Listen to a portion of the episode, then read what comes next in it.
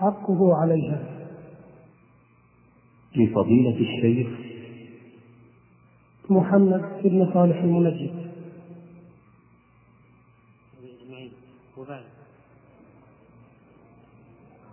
فنحمد الله سبحانه وتعالى على نعمه العظيمه وآلائه الكثيرة ونسأله أن يعيننا على ذكره وشكره وحسن عبادته.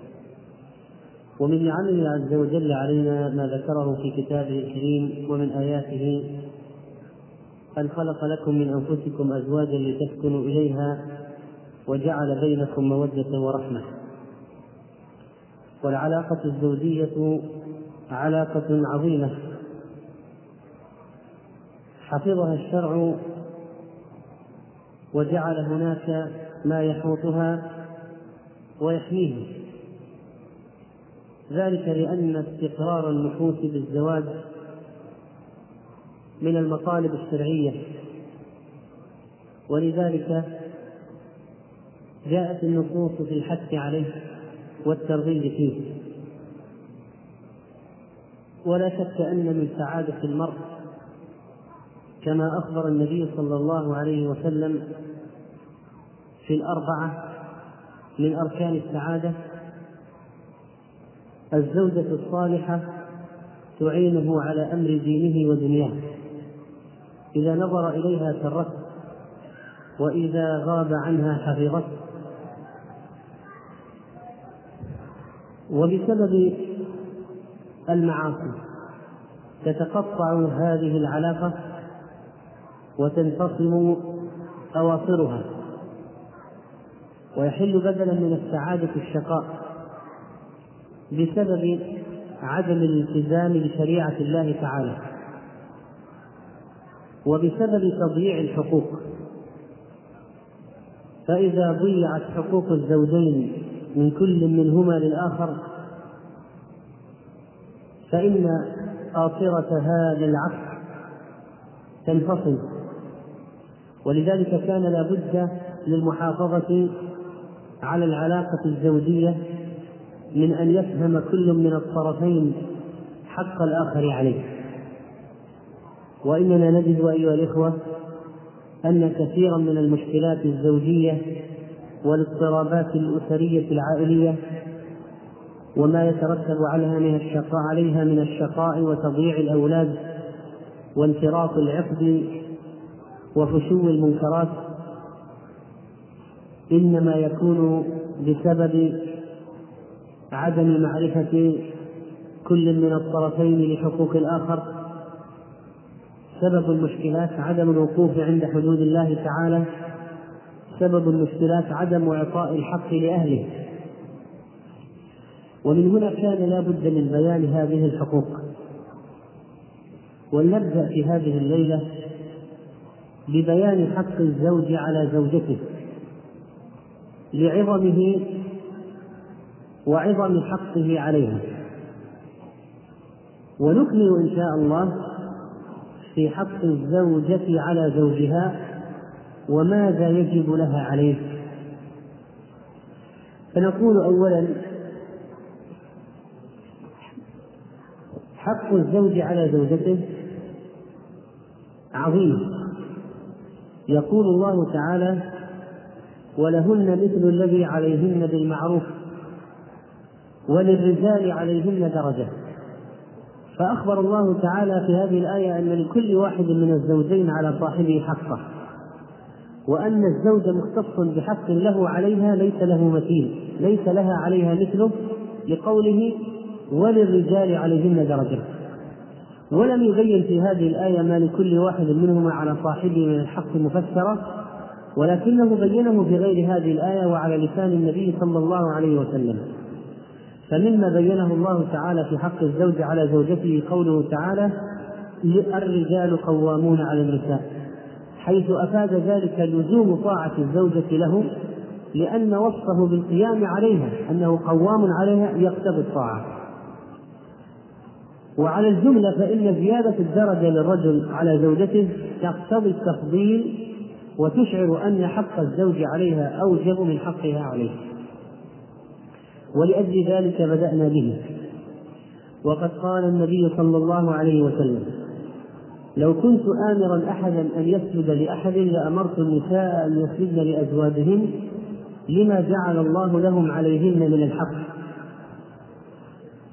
رواه أبو داود وروى الإمام أحمد رحمه الله عن أنس بن مالك أن النبي صلى الله عليه وسلم قال لا يصلح لبشر أن يسجد لبشر. ولو صلح لبشر أن يسجد لبشر لأمرت المرأة أن تسجد لزوجها من عظم حقه عليها والذي نفسي بيده. لو كان من قدمه إلى مفرق رأسه قرحة تنبجس بالقيس والصديد ثم استقبلته تلحسه ما أدت حقه. في هذا الحديث الثابت عن النبي صلى الله عليه وسلم يتبين عظم حق الزوج. وقد دلت النصوص من القرآن والسنة على عظم حقه والتأكيد عليه. وأن على الزوجة القيام بمضمونه وقد قال ابن قدامة رحمه الله وحق الزوجة عليها أعظم من حقه من حقها عليه. وحق الزوجة عليه حق الزوج على زوجته أعظم من حقها عليه لقوله تعالى وللرجال عليهن درجة. حق الزوج عليها أعظم من حقها عليه لقوله تعالى وللرجال عليهن درجة. وجاء في كشاف القناع وحقه أي الزوج عليها أعظم من حقها عليه لقوله تعالى وللرجال عليهن درجة.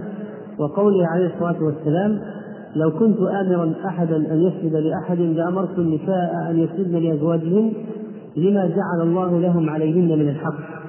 ولقوله عليه الصلاة والسلام إذا باتت المرأة هاجرة فراش زوجها لعنتها الملائكة حتى تصبح ورضا الزوج على زوجته من موجبات الجنة لها.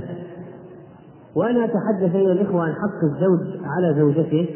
لا بد أن يستحضر الزوج في المقابل في كل فقرة من الفقرات أن هناك حقا لها عليه.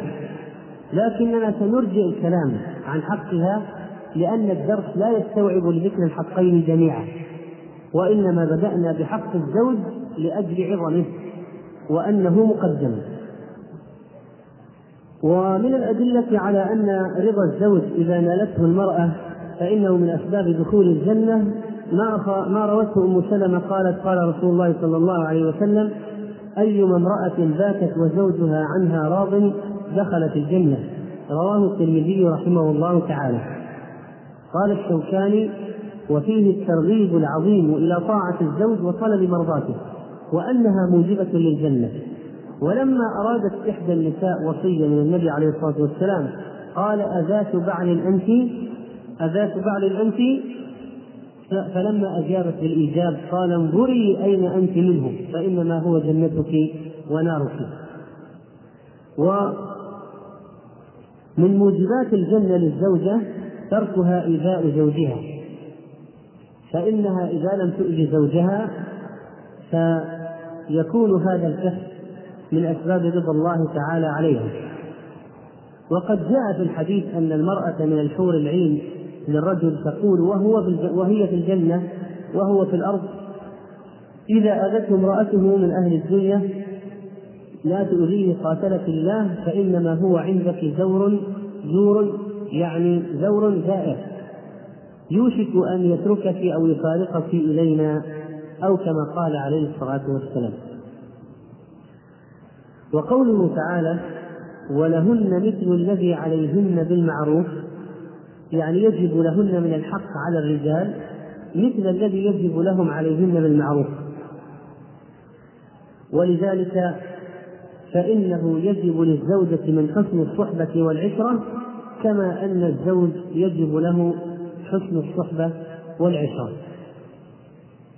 ومن أقوال الفقهاء في معاشرة الزوجة لزوجها المعاشرة بالمعروف هي المعاشرة المرضية وهي التي يرضى بها الشخص لنفسه. بمعنى أن من وجبت عليه هذه المعاشرة أن يؤديها إلى من وجبت له على نحو يرتضيها هو لنفسه لو فعلت له. فيدخل في ذلك المعاشرة الجميلة من المرأة مع زوجها بالإحسان باللسان واللطف بالكلام والقول المعروف الذي تطيب به نفس الزوج. ويجب على المرأة معاشرة الزوج بالمعروف من كف الأذى ونحوه كما يجب عليه في معاشرتها. وقيامها بإيفاء الزوج حقوقه التي أوجبها عليها الشرع من طاعة له وقرار في البيت وامتناعها عن كل ما يؤذيه وفعل ما يسره ويرضيه من قول وفعل وسلوك في حدود الشرع والعرف الصحيح. وقوله تعالى الرجال قوامون على النساء يستفاد منه قوامة الرجل قوامة الرجل على زوجته. ومعنى أن الرجل قوام على زوجته يعني أنه قيم عليها يقوم بأمرها ويهتم بحفظها. قام على الشيء نظر فيه وحفظه واجتهد في ذلك. الرجال قوامون على النساء يقوم عليها بالتأديب والتدبير والحفظ والصيانة. وتولي أمرها وإصلاح حالها.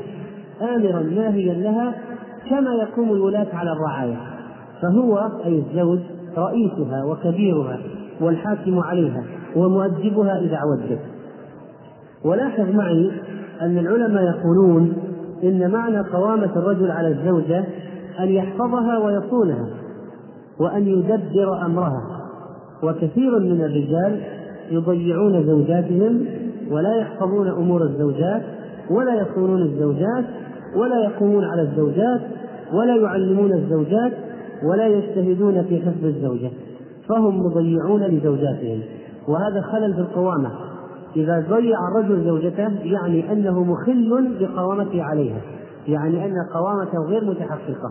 يعني أنه لم يطبق فعلا ما أخبر الله به بقوله الرجال قوامون على النساء.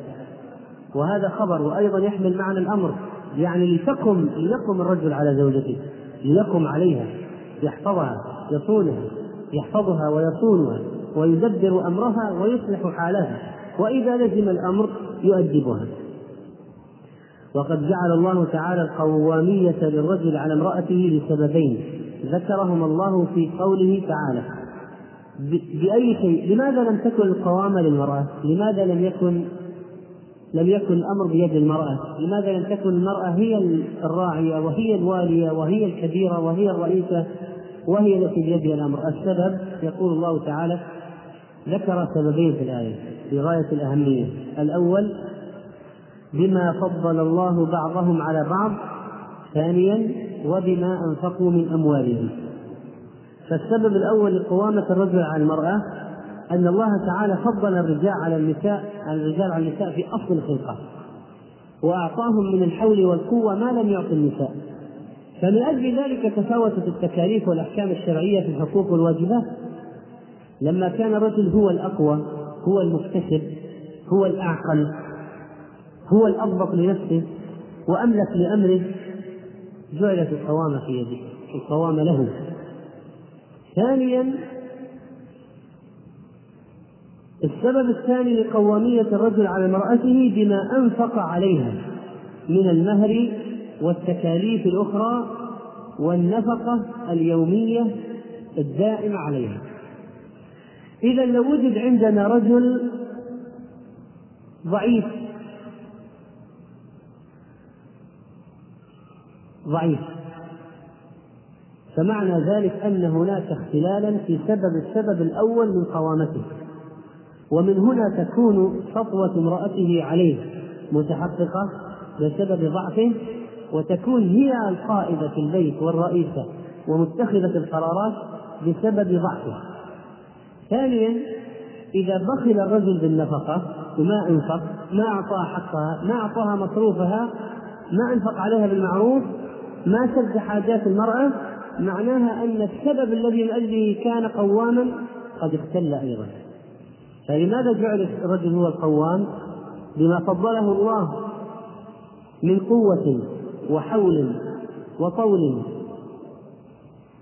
وكمال في عقله وجسده بالنسبة للمرأة؟ والثاني قضية النفقة الرجل هو الذي يشتغل ويعمل.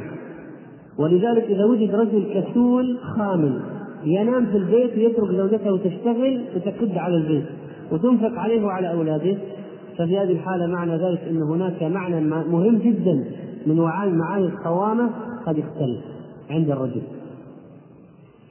ولذلك كان من العيب أن ينام الرجل وتشتغل المرأة. ومع الأسف نتيجة اختلال اختلال القيام بالأمور الشرعية يحصل هذا في المجتمع. يوجد امرأة تعمل والرجل نايم الرجل كسلان الرجل ملتهي في شؤونه أو في في أصحابه وسهراته ولهوه وهو وهي تعمل ولذلك ترى البيت في جحيم حياتها في جحيم. حياتها في جحيم بسبب أنها هي التي تنفق عليه وهو لا يكلف نفسه الإنفاق ولا العمل. وهذه القوامة من الرجل على زوجته هي التي تقتضيها الفطرة. والنفس السليمة قال الإمام القرطبي رحمه الله تعالى قال بعد أن قرر أفضلية الرجال على النساء وأن هذه الأفضلية كانت لهذين السببين قال ثم فائدة تفضيلهم عائدة إليهن.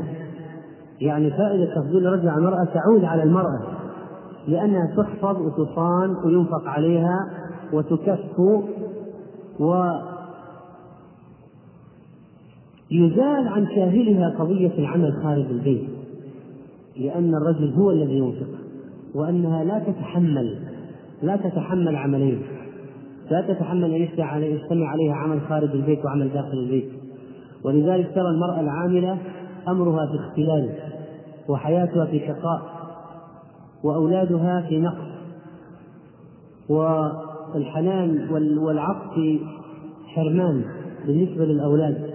وخدمة الزوج أقل ونحو ذلك بسبب خروجها. المرأة ما يمكن أن تعمل على صعيدين داخل البيت وخارج البيت إلا ويحدث اختلال.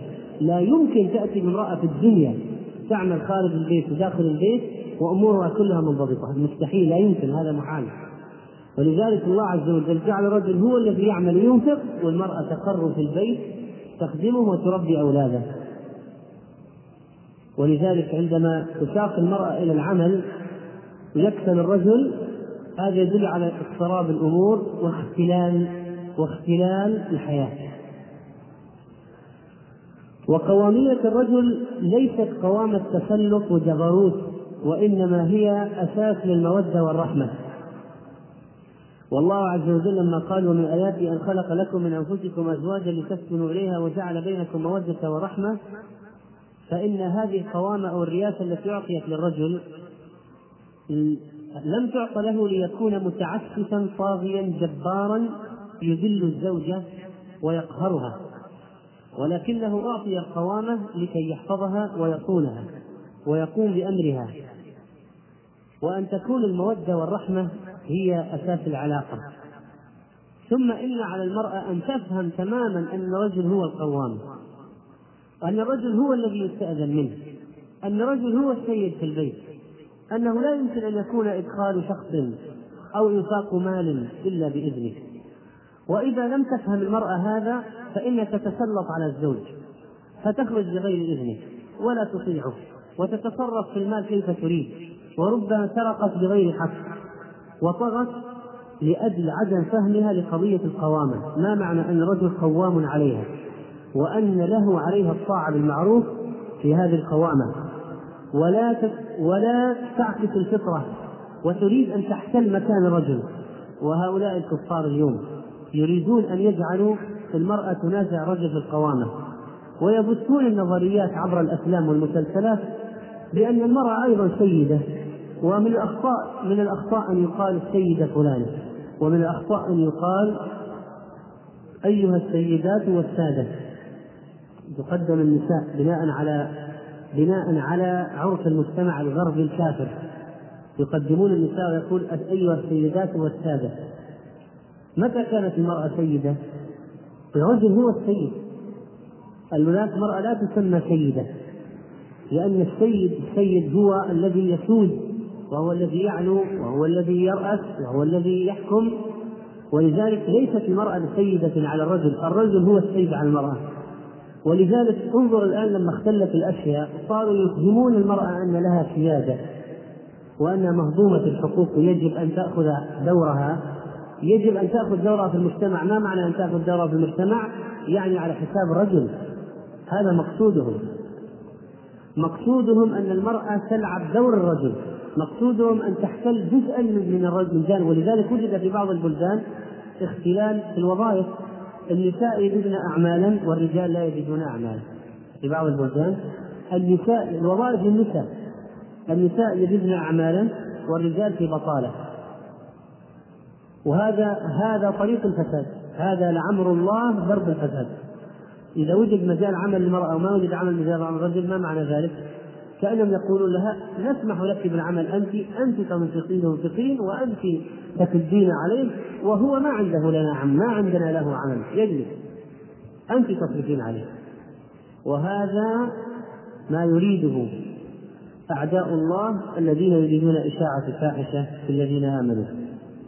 فإذا ما يحدث ما يبث من خلال ما يبث من أفكار مسمومة وسامة بأن المرأة يجب أن تأخذ دورها في المجتمع. ينبغي أن تتصدر ينبغي أن يكون لها السيادة ينبغي أنها تأخذ تبرز. تبرز! شوف قضية إبراز المرأة وإحلال المرأة محل الرجل في أعمال كثيرة معناه خراب البيوت وشيوع الفساد وانحلال الأسر.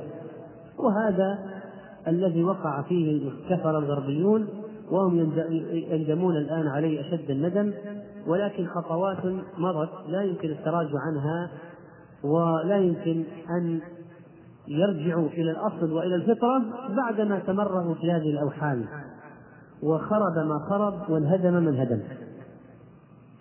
فالمهم المرأة يجب أن تعي أن الرجل هو القوام ولذلك يستأذن ولذلك لا يفعل بغير أمره وهو السيد فلا تنازعه هذا الحق. تستسلم تستسلم لما أراد الله. الرجل قوام يعني قوام هو السيد هو السيد هو المطاع هو المطاع. هو الآمر الناهي هو الأمر الناهي في البيت. طبعا كل ذلك مقيد بالشرع. كل ذلك مقيد بالشرع كما سيأتي. وقوامية الرجل على المرأة ضرورية للحياة الزوجية واستقرار الحياة الزوجية. ولذلك تجد المرأة المتسلطة على الرجل.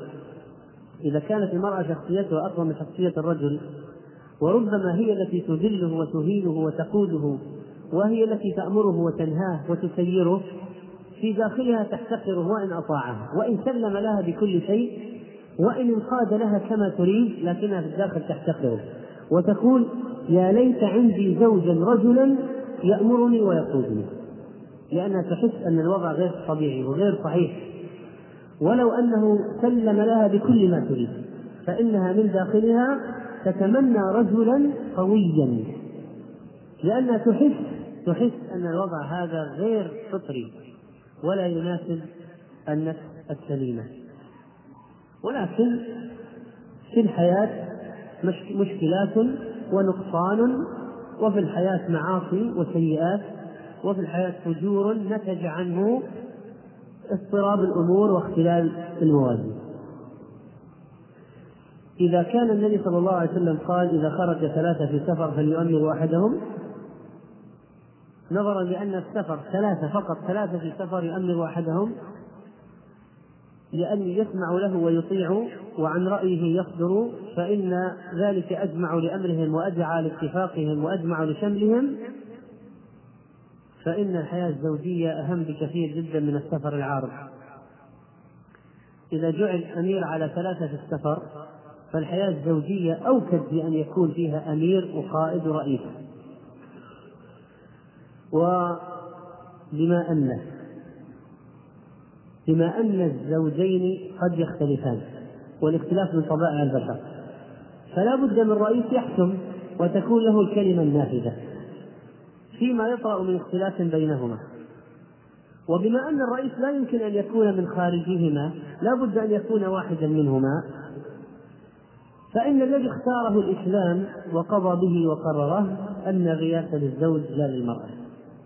وما قضى به الله تعالى هو الحق والصواب والله يقول الحق وهو يهدي السبيل. وهو الموافق للفطرة ولطبيعة الرجل المرأة ولما جبل الله كلا منهما عليه. وعلى هذا فإنه لا يمكن أن تستقر الحياة الزوجية إلا إذا سلمت المرأة للرجل بالقيادة. هذا أمر مهم جدا أيها الإخوة والأخوات. ولا أقول أيها السيدات والسادة وإنما أقول أيها الإخوة والأخوات لا يمكن أن تستقر الحياة الزوجية إلا إذا سلمت المرأة للرجل بالقيادة.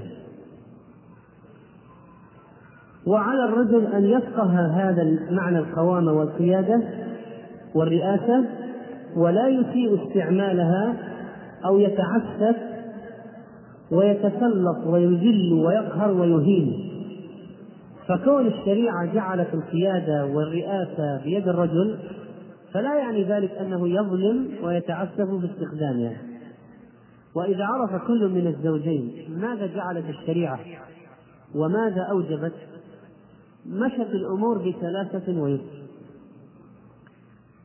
من حق الزوج على زوجته أولا الطاعة.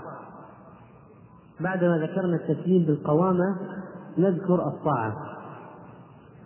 قال المفسرون في قوله تعالى الرجال قوامون على النساء عليها طاعته وقبول أمره ما لم تكن معصية.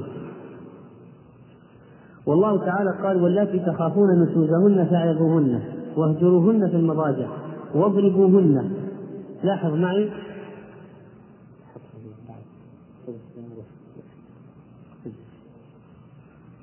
لما قال الله تعالى واللاتي تخافون نشوزهن فعظوهن واهجروهن في المضاجع واضربوهن فإن أطعنكم فلا تبغوا عليهن سبيلا إن الله كان عليا كبيرا.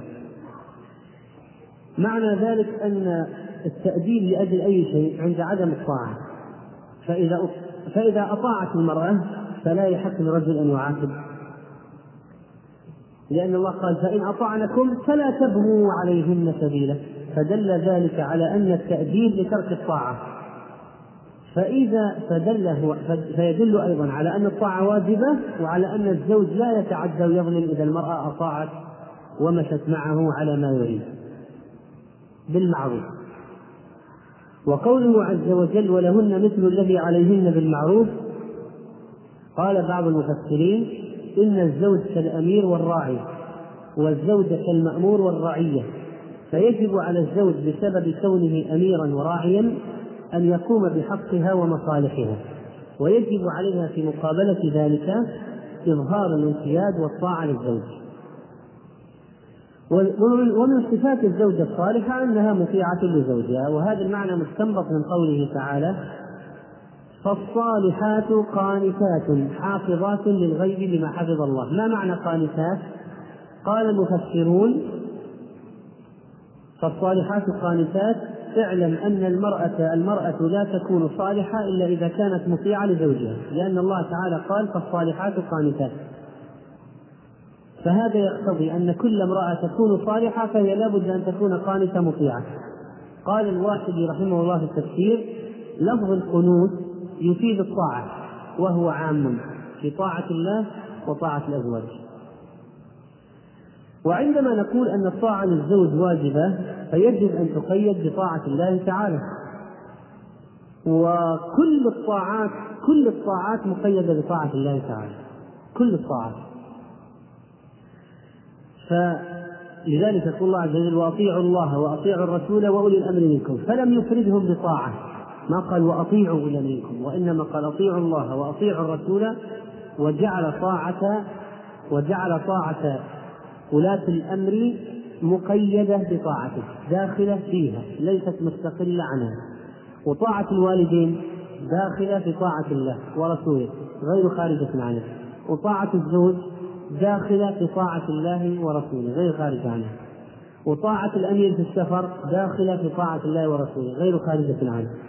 وكل الطاعات وكل الطاعات في الإسلام لأن في طاعة في عدة طاعات في الإسلام مثل طاعة الأمير في الجيش وطاعة الخليفة وطاعة الأب وطاعة الأم وطاعة الزوج طاعات هذه طاعات وطاعة الإبن لأبيه طاعات كلها مقيدة بطاعة الله ورسوله. أي شيء يخرج عن طاعة الله ورسوله ارمي به عرض الحائط ويدل على ذلك قوله صلى الله عليه وسلم لا طاعة لمخلوق في معصية الخالق. فالطاعة لا تكون بمعصية الخالق وإنما بالمعروف. ما هو المعروف؟ المعروف في الشرع أنه معروف في الشرع.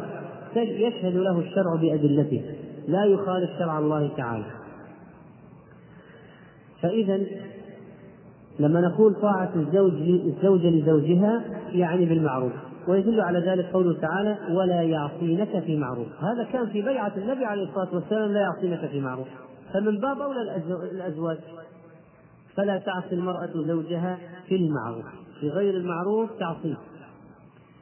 لا تطيع المرأة زوجها في معصية الله. ويدل على ذلك ما أخرجه الإمام البخاري رحمه الله تعالى في صحيح عن عائشة رضي الله عنها قالت إن امرأة من الأنصار زوجت ابنتها فتمعط شعر رأسها. بدأ ينسل ويسقط شعر رأس المرأة المتزوجة فتمعط شعر رأسها.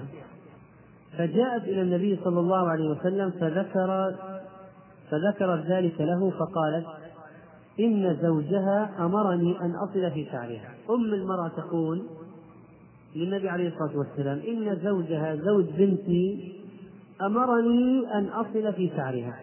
أجعل في شعرها ما ليس منه وأزيد فيه ما ليس منه وأدخل فيه ما ليس منه أن أصل في شعرها. فقال صلى الله عليه وسلم لا لا. إنه قد لعن الموصولات.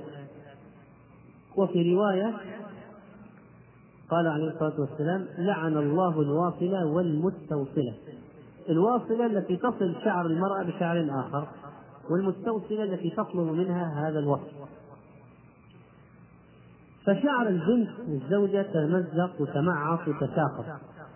فأرادوا أن يصلوا شعرها بشعر غيرها يصل شعرها بغيره فقال لعن الله الواصلة والمستوصلة. من الذي طلب الزوج ومع ذلك ما أجيب؟ ومنع. لأن هذا أمر محظور شرعا ولذلك لا يجوز للزوجة أن تطيع زوجها في في الباطل والحرام. فلو قال لها حف الحواجب. لا بد من حف الحواجب. أو قد أو قال لابد أن تخرجي على إخواني تصافحي إخواني في البيت. لابد تكشفي الغطاء وتجلسي مع زملائي في سهرة عائلية مختلطة. أو أمرها أو أراد منها الوطأ في الحيض أو الوطأ في الدبر ونحو ذلك من الأوامر المخالفة للشريعة فإنها يحرم عليها أن تطيعه وتأثم لو أطاعته ويجب عليها أن تعصيه وأن تذكره بالله تعالى وأن تدفع عنه. مثل لو أرادها في نهاية رمضان تهرب منه يجب أن تهرب منه. وأن وأن تتباعد وتترك التزين إذا كانت تعلم أنه لا يصبر ومن الطاعة التي تجب للزوجة للزوج على زوجته الطاعة في الوقت. كما أخرج البخاري رحمه الله تعالى عن أبي هريرة رضي الله عنه عن النبي صلى الله عليه وسلم قال إذا دعا الرجل امرأته إلى فراشه فأبت أن تجيء لعنتها الملائكة حتى تصبح وقوله إلى فراشه المقصود بالفراش الجماع كناية عن الجماع. وهذا الحديث يفيد اللعن من الليل إلى الصباح طيلة الليل اللعن الملائكة تلعنها. إذا تباعدت عن فراش زوجها لغير سبب شرعي. وفي رواية فأبت أن تجيء وفي رواية فبات غضبان عليها. هذا يزيد اللعن. إذا بات غضبان عليها يزيد اللعن. وهذا الحديث يدل على أنها ملعونة إذا رفضت الإتيان إلى الفراش إذا كانت بدون عذر. فإن كانت في محيض فإنها تأتي من غير وطء سواء بات غضبان ولا ما بات غضبان. وهذه الأحاديث التي تدل على وجوب الإجابة في الفراش يترتب على عصيانها من قبل الزوجة فساد لأن الرجل قد يفكر في الحرام وينتقل إلى أشياء أخرى ولذلك من الفساد أن المرأة لا تطيع زوجها فهو صاحب حاجة فينبغي أن تلبي طلبه ولو كانت على قتب أو كانت على عجين أو خبز أو خبز تأتي لحاجة زوجها. ومن الأعذار التي التي تعذر المرأة في عدم الإتيان كما قلنا أن تكون حائضا في قضية الوقاع أو تكون مريضة تتأذى بالجماع مريضة حقا وليس دلعا وإنما مرضا حقا أو صائمة في فرض. إذا كانت صائمة في فرض فإنها لها أن تمتنع عن الفراش. وللزوج الاستمتاع بزوجته في كل وقت وعلى أي صفة إذا كان في القبل ما لم يشغلها عن الفرائض أو يضرها. لأنه إذا حصل الضرر فإنه ليس من المعاشرة بالمعروف وإذا حصل تضييع الفرائض كأن أرادها ولم تصلي. ومعلوم أنها أنه يفوت عليها الوقت من تضيقه مثلا فعند ذلك تقدم طاعة الله أولا. وكذلك فإنه يحرم عليه أن يأتيها في الدبر وهذا المقصود منه الوطء في مكان خروج الغائط. الإيلاج في مكان خروج الغائط أما الاستمتاع بالدبر فهو جائز وأما الوطء فيه فهو حرام وينبغي أن يعلم الفرق بينهما. وقد قال صلى الله عليه وسلم ملعون من أتى امرأة في دبرها. وقال عليه الصلاة والسلام إن الله لا يستحي من الحق ثلاث مرات لا تأتوا النساء في أدبارهن. وكذلك فإن من الطاعة من الطاعة المفروضة على الزوجة أن تطيعه في أمور الطهارة كالغسل من الحيض والنفاس. وللزوج إجبارها على ذلك شرعا إذا تلكأت أو امتنعت. الطهارة غسل الطهر غسل الطهارة من الحيض والنفاس. إذا أرادها فإنه يجب عليها أن تغتسل وتأتيه. حتى أن العلماء قالوا إنه يحق للرجل أن يجبر زوجته الكتابية المسلم المتزوج بالكتابية ويجوز الزواج بالكتابية في شروط وشروط معينة. أن تكون عفيفة غير معروفة بالفاحشة ولا بالخنا عفيفة. ومن أهل الكتاب إلى آخره يجوز أن يجبرها على الغسل ولو كانت كتابية حرة كانت أو أمة مملوكة لأن الحيض أو النفاس يمنع الاستمتاع. فيجوز له أن يجبرها على الغسل لأجل حاجته. وينبغي للزوجة أن تطيع زوجها كذلك فيما يطلبه منها من أمور النظافة كإزالة الوسخ والدرن المانع من الاستمتاع؟ فإن له وأن عليها واجب إزالة ما ينفر الزوج منها وإذا طلب منها ذلك يتأكد من إزالة وسخ أو إطالة أظافر أظافر ونحو ذلك. وكذلك في أخذ الزينة فإذا هيأ لها ما تتزين به فإن على الزوجة أن تستعمل ذلك لزينتها إذا طلب زوجها ذلك منها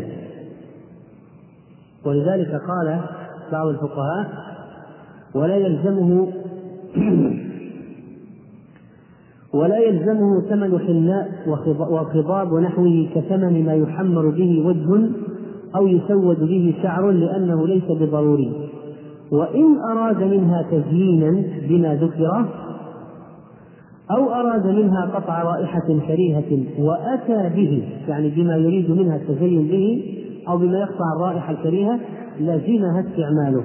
قال في شرح منتهى الإرادات في فقه الإمام أحمد رحمه الله. قال إذا أتى لها بمواد الزينة والطيب وطلب منها يجب. إذا ما أتى لها ما يجب لأنه ما أتى أصلا بالمادة. وكذلك قال في مغني المحتاج ولا يجب لها عليه كحل ولا خضاب ولا عطر ولا ما تتزين به من آلات الحلي لزيادة التلذذ وكمال الاستمتاع وذلك حق له فلا يجب عليه يعني هو إذا كان لا يريده. فإن هيأه لها وجب عليها استعماله. فإن هيأه لها وجب عليها استعماله. ولذلك فإنه ينبغي أن تراعى الزينة الشرعية. فمثلا إذا قال أطيل الأظافر واصبغيها بهذا المنك المناكير المناكير هو لفظة فرنسية هي كلمة فرنسية. آه، ما أدري كيف يلفظونها المنكيور أو نحوها لكن لما نقلناها نحن إلى العامية طلعت مضبوطة. مناكير جمع منكر. فإنه إذا صبغ بها الظفر فإن فإن هذا يحول وصول الماء إليه وبالتالي لا يصح الوضوء ويجب إزالته إذا وضعت. لكن المنكر وين؟ المنكر ليس في طلاء الأظفر بقدر ما هو في إطالة الظفر لأن إطالة الأظافر أكثر من أربعين يوم يأتم بها الإنسان. لحديث أنس وقت النبي صلى الله عليه وسلم في شعر الإبط والعانة والأظفار أن لا نزيد على أربعين أربعين يوم. ولأن في إطالة الأظافر تشبها بالوحوش. ولذلك أنت الآن وإن يعني أخرجوها في الدعايات ووضعوا لها دعايات في الأظافر الطويلة بالمناكير هذه لكن أنت إذا تأملت بفطرة سليمة بفطرة سليمة وبعين مجردة مجردة عن الهوى بنفس مجردة عن الهوى تأمل في أظافر طويلة تنفر منها. لأنك ترى ذلك هو هو صفات الوحوش هو صفات الوحوش الأظافر الطويلة. ومنافية للفطرة تماما. وإن كان هم يظهرون في الدعايات أنها معالم الجمال من معالم الجمال في المرأة.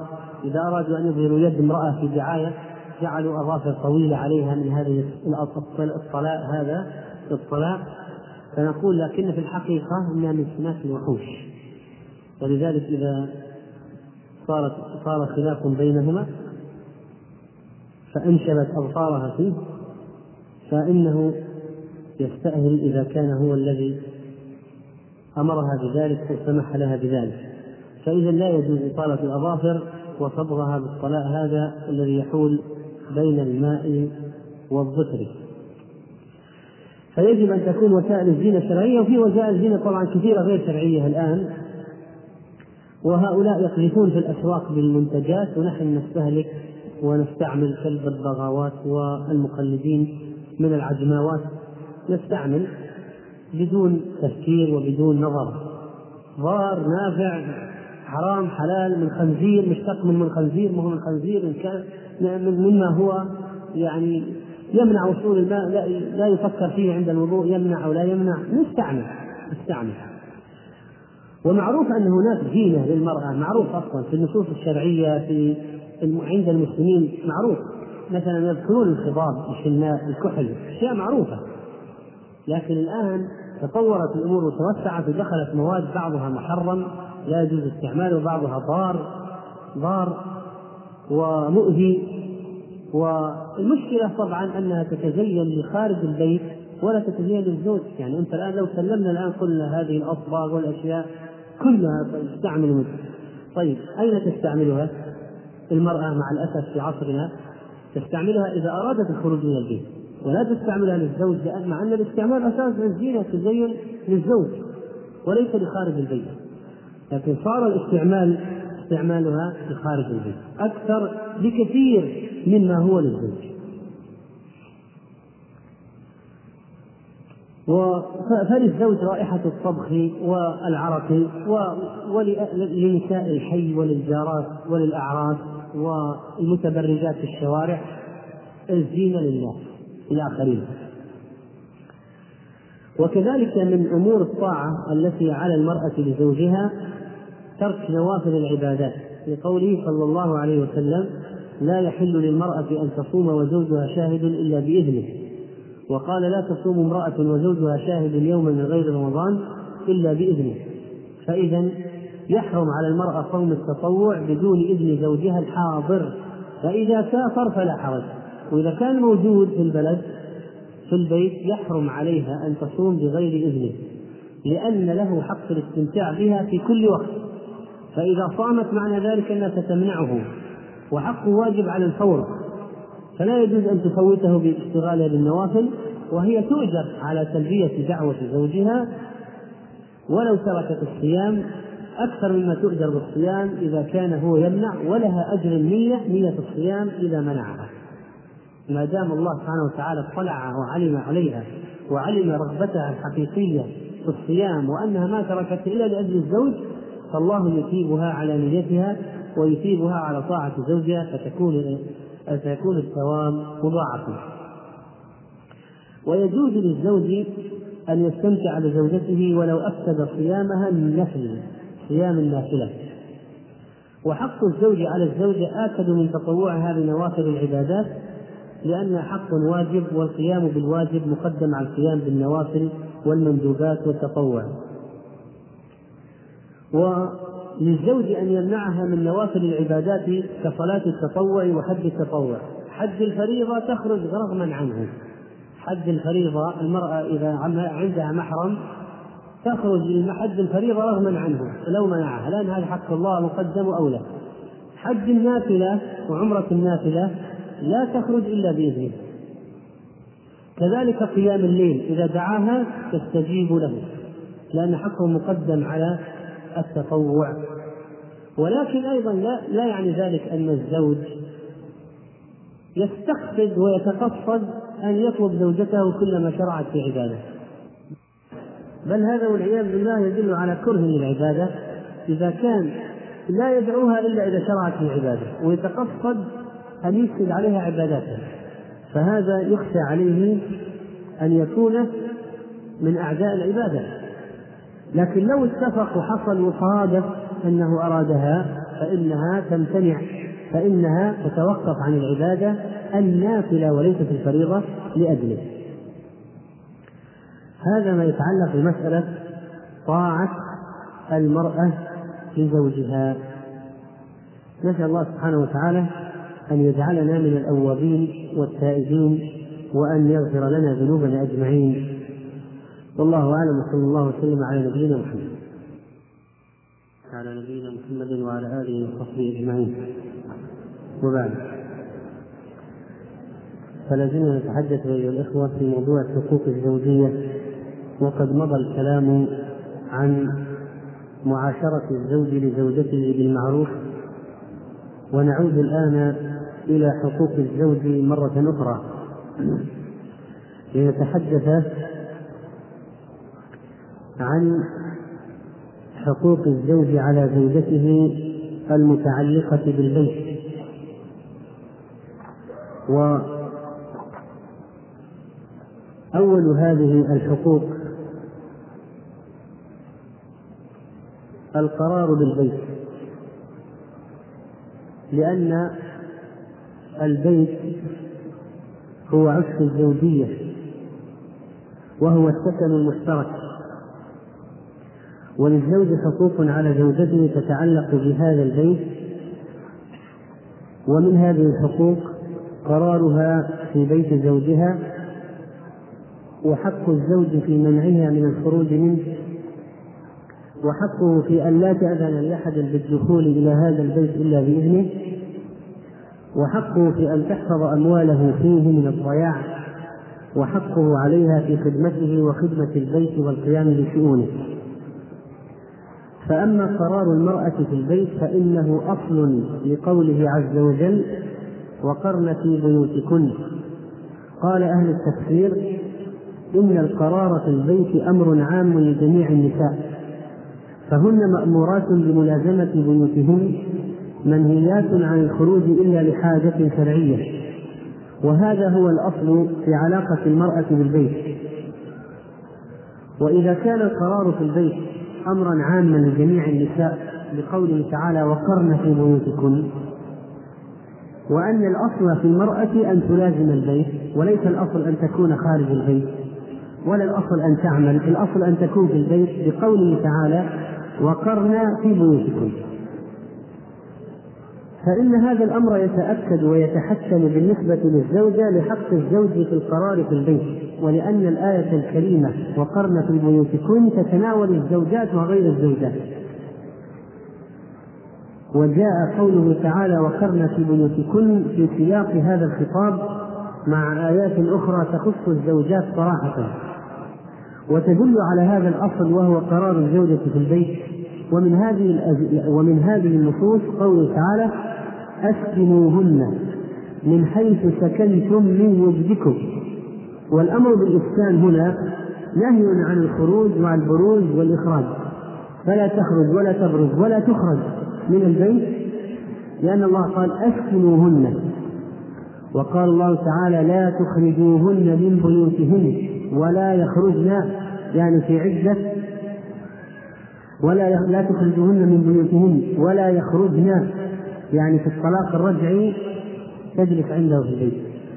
ومن أكبر الأخطاء ما يحدث اليوم عندما يطلق الرجل زوجته الطلقة الأولى أو الثانية أن تذهب إلى بيت أهلها مباشرة ضاربة بالآية عرض الحائط وهي قوله تعالى لا, لا ولا يخرجن.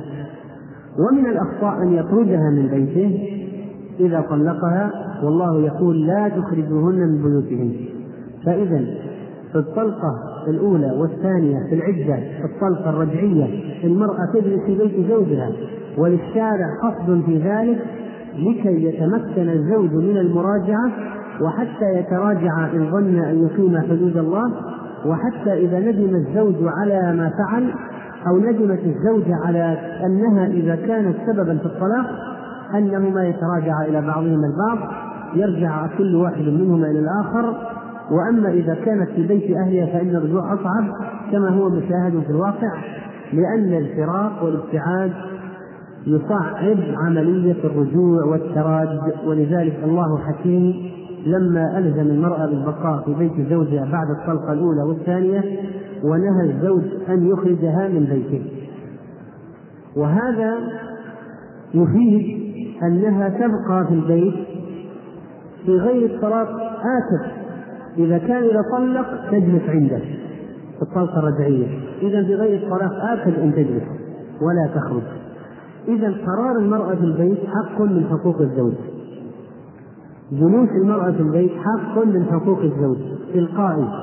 لا يحتاج إلى تأكيد ولا يحتاج إلى تعليم لأن المسألة تلقائية.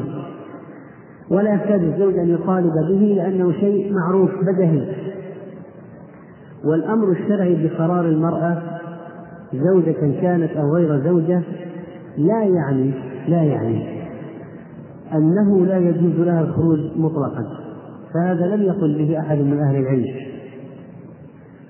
فيجوز للمرأة الخروج من البيت الحاجة الشرعية. قال شيخ الإسلام ابن تيمية رحمه الله والأمر بالاستقرار في البيوت لا ينافي الخروج لمصلحة مأمورة مأمورة بها كما لو خرجت للحج والعمرة أو خرجت مع زوجها في سفر فإن الآية الكريمة وقرن في بيوتكن نزلت في حياة النبي صلى الله عليه وسلم وقد سافر النبي صلى الله عليه وسلم بزوجاته بعد ذلك في حجة الوداع سافر بعائشة رضي الله عنها وغيرها وأرسلها مع عبد الرحمن أخيها فأردفه خلفها وأعمر فأردفها خلفه وأعمرها من التنعيم.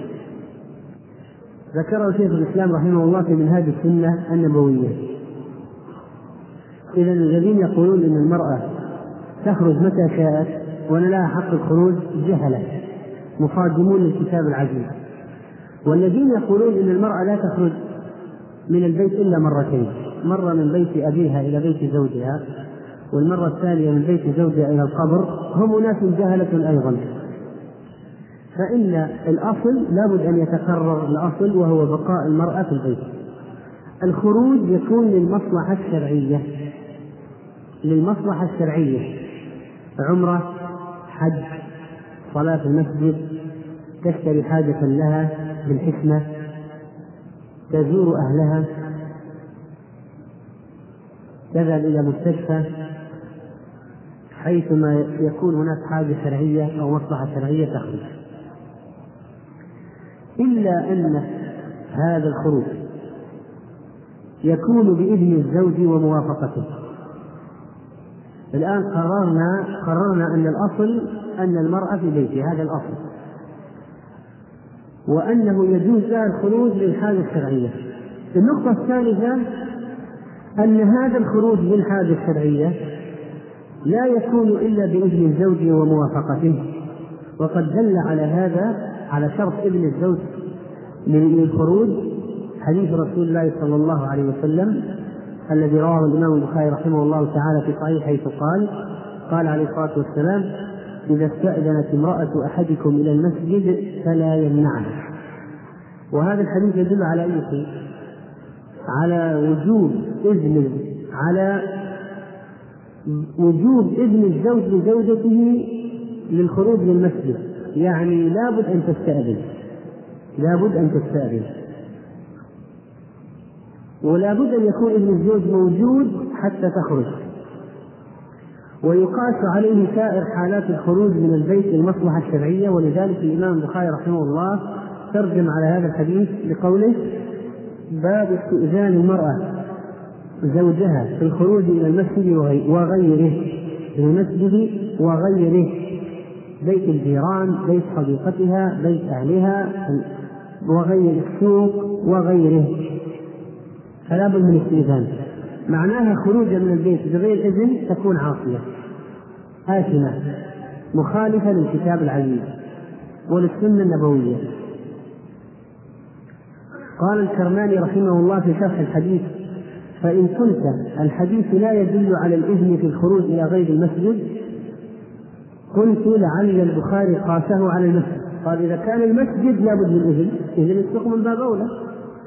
إذا مكان العبادة المكان الطاهر مكان العبادة مكان البر مكان الخير لابد يستأذن. إذا بيوت الناس والأسواق من باب أولى. وقد صرح بعض أهل العلم بحرمة خروج الزوجة بدون إذن زوجها فقال صاحب كشاف القناع رحمه الله البهوتي ويحرم على الزوجة الخروج بلا إذن زوجها لأن حق الزوج واجب فلا يجوز تركه بما ليس بواجب.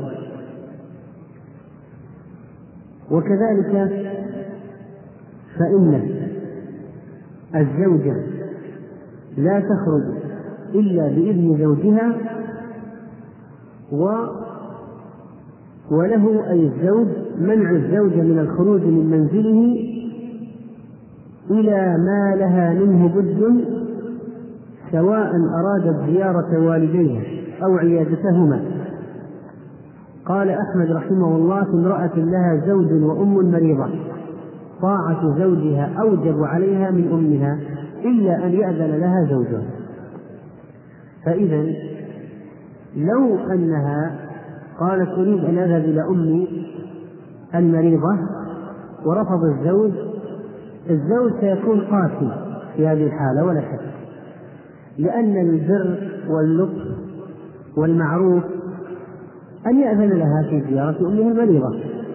لكن افرض أنه ركب رأسه ومنعها.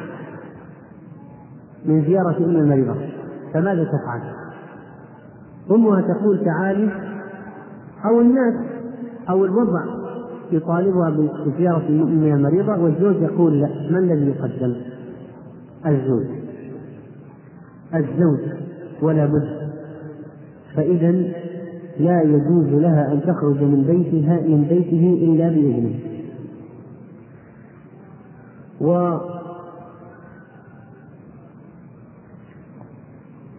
إذا كان للزوج حق الإذن لزوجته في الخروج ومنعها منه فما هو حدود هذا المنع؟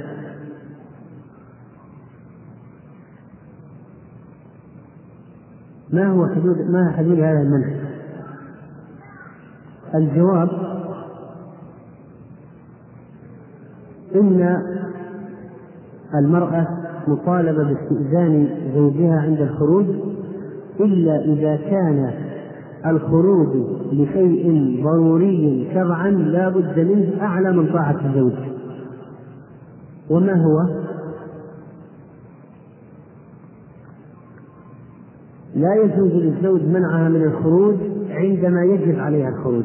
كخروجها للحج الواجب الفرض مع المحرم. في هذه الحالة تخرج من بيته بغير إذنه. ما حجت الفريضة. توفر المحرم. طلبت من زوجها أن يحج بها؟ قال لا. قالت أحج مع محرمي؟ قال لا. ما حجت الفريضة. إذا طاعة ربها ألزم وأهم وأعلى من طاعة زوجها فتخرج من بيته بغير إذنه. لكن حج النافلة لا. الخروج لزيارة مريض لا. لابد من إذن الزوج. الصلاة في المسجد لا لأن الصلاة في المسجد ليست واجبة عليها فلا بد من إذن الزوج. إذا لا بد أن تستأذن الزوج إلا إذا صار لا بد لها من الخروج. لا بد. مثل لو أنها أصيبت بشيء لا بد من ذهابها إلى المستشفى حالا فهنا الواجب حفظ النفس يقتضي عليها الخروج يقتضي منها الخروج ولو بغير إذنه. ولو بغير إذنه.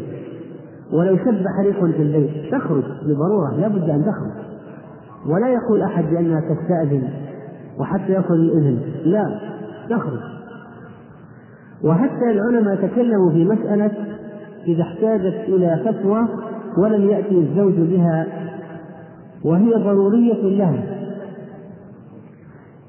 فإنها تخرج لسؤال العالم عن هذا الأمر الضروري لا أمر يتعلق بصلاتها وطهارتها ولا بد أن تعرف ماذا تفعل لكي تصلي وتتطهر فيجوز لها أن تخرج بغير إذنه لكي لكي تحصل على الجواب. طبعا الآن عندنا الهاتف يحل المشكلة. الآن مع وجود الهواتف الهاتف هذا المسرة التي يسر بها السماعة هذه هذه حلت المشكلة وصارت المرأة ما يحتاج أن تخرج من بيتها تحصل على فتوى من مفتي حيث أنها تستطيع أن تتصل به وتأخذ الجواب. لكن من قديم مثلا قبل هذا الهواتف لو منعها من الخروج ولم يأتي لها بالجواب تخرج لأخذ الجواب بغير إذنه ما دامت المسألة متعلقة بالفرائض والعبادات التي لا بد من القيام بها. كذلك لو أنه ما أتى لها بشيء ضروري من حوائجها. فإنها تخرج لأجله من غير إذنه. ولذلك قال صاحب كتاب القناع ويحرم عليها الخروج بلا إذن هذا إذا قام الزوج بحوائجها التي لا بد لها منها. وإن لم يقم بحوائجها فلا بد لها من الخروج للضرورة. الحوائج هذه ليست مكياجات وكماليات لا. الحوائج يعني يترتب الضرر عليها إذا ما جلبت الحوائج يعني يترتب عليها ضرر إذا ما جلبت فالحوائج الحاجات التي تحتاجها إذا ما جلبها الزوج يجوز لها أن تخرج لجلبها بغير إذنه. وأما بالنسبة لزيارتها لأبويها وأقاربها. قال العلماء وللزوج منع زوجته من الخروج من منزله إلى ما لها منه بد سواء أرادت زيارة والديها أو عيادتهما أو حضور جنازة أحدهما أو غير ذلك. قال الإمام أحمد امرأة لها زوج وأم مريضة طاعة زوجها أوجب عليها من أمها إلا أن يأذن لها. وطبعا غير الوالدين من باب أولى أنها يجب أن تأخذ الإذن منه لزيارتهم كالعم الأعمام والعمات والخالات ونحو ذلك. والإخوة والأخوات.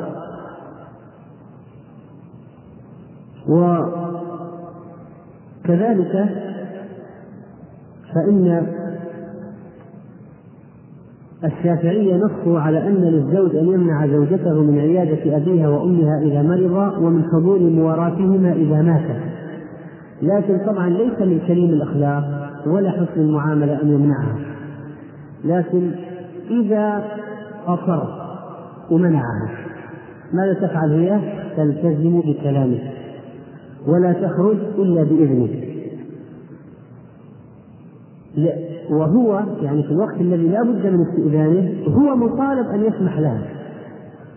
لذلك قالوا لا ينبغي للزوج منعها من عيادة والديها وزيارتهما لأن في ذلك قطيعة لهما وحملا لزوجته على مخالفته وقد أمر الله تعالى بالمعاشرة بالمعروف وليس هذا من المعاشرة بالمعروف. ولذلك ولذلك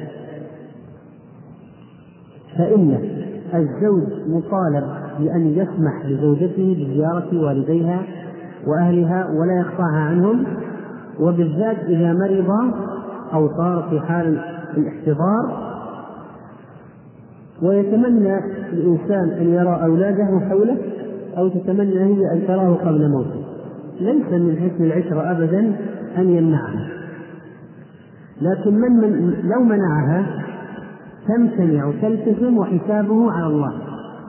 لو منعها تمتنع وتلتزم وحسابه على الله. فماذا ماذا بالنسبة لزيارة الزوجة لأهلها في الأحوال العادية؟ إذا كانوا في البلد معها. قال بعض أهل العلم لا تمنع الزوجة من زيارة أبويها في كل جمعة. وفي زيارة غيرهن من المحارم في كل سنة. هذا قول بعضهم. ولكن ولكن الصحيح الراجح أنها تزو أنه لا حد لهذا لمدة. فإنها تزور والديها في الحين بعد الحين بالقدر المتعارف عليه. بحيث يتحقق فيه صلة الرحم وبر الوالدين دون تقييد الزيارة بمدة معينة. وإنما يترك ذلك للعرف. وحسب وقت الزوجة وحاجة الوالدين وقرب المحل أو بعده وزيارته زيارتهم هم لها لأن قد يعوضونها بزيارتهم لها. فيصير ما يحتاج أن تذهب هي لزيارتهم في مدد متقاربة. فإذا الزيارة زيارة الوالدين زيارتها لأهلها شرعا. ليس لها حد محدود وإنما بقدر الحاجة بقدر بحسب العرف مثلا إذا كان البيت قريب سمح لها بالزيارة في مدة قريبة. إذا كان بعيد تصبح المدة أبعد. إذا كان في بلد آخر تصبح المدة أبعد. إذا كانوا مرضى تصبح المدة أقرب. إذا كانوا في حالة الاحتضار يمكن يسمح لها فورا بالذهاب. إذا كانوا يحتاجان إذا كان يحتاجان إلى خدمة سمح لها بذهاب طويل مثلا تجد عند أسبوع عشر أيام لتمريض أمها مثلا. فإذا المسألة بحسب الحاجة ما فيها حد محدود ولا قدر معين وإنما المسألة بحسب العرف بحسب ما جرى به العرف قد يكون الزوج منشغل متفرغ نصف منشغل المرأة ما عندها أولاد عندها أولاد كثيرين. إذا الأحوال تختلف. يجب على الزوج أن يكون معقولا أن يكون أن يكون متفهما لشأن زوجته وأن لا يقطعها عن أهلها وهي يجب عليها أن تستأذنه لأجل الزيارة وينبغي ينبغي أن يراعي حالها وكذلك من الأمور الاعتبارات التي تؤخذ أيضا قضية أن ألو... من هم الذين تريد أن تزورهم الزوجة؟ هل هم من أقرب الناس إليها وأقرب الناس إليها كالوالدين؟ أو هم من المحارم؟ أو هم من الأباعد؟ تريد أن تزور زوجة ابن عمها. فالمسألة تختلف باختلاف أحوال الأقارب. ولا شك أن المرأة إذا أخذت من البيت فإن قطع علاقتها مع أهلها غير صحيح على الإطلاق وأن هذا يسبب العداوة والكراهية بين العائلتين. وإذا أحس أهل الزوجة أن زوج ابنتهم يريد قطعها عنهم فربما يحدث هناك نفور وتصادم.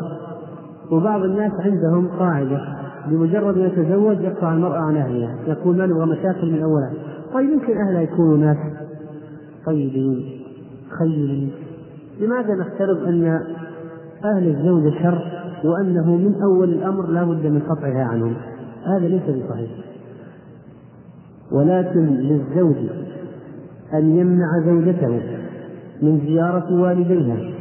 إذا كان من وراء هذه الزيارة مفسدة وضرر لأن درء المفاسد مقدم على جلب المصالح.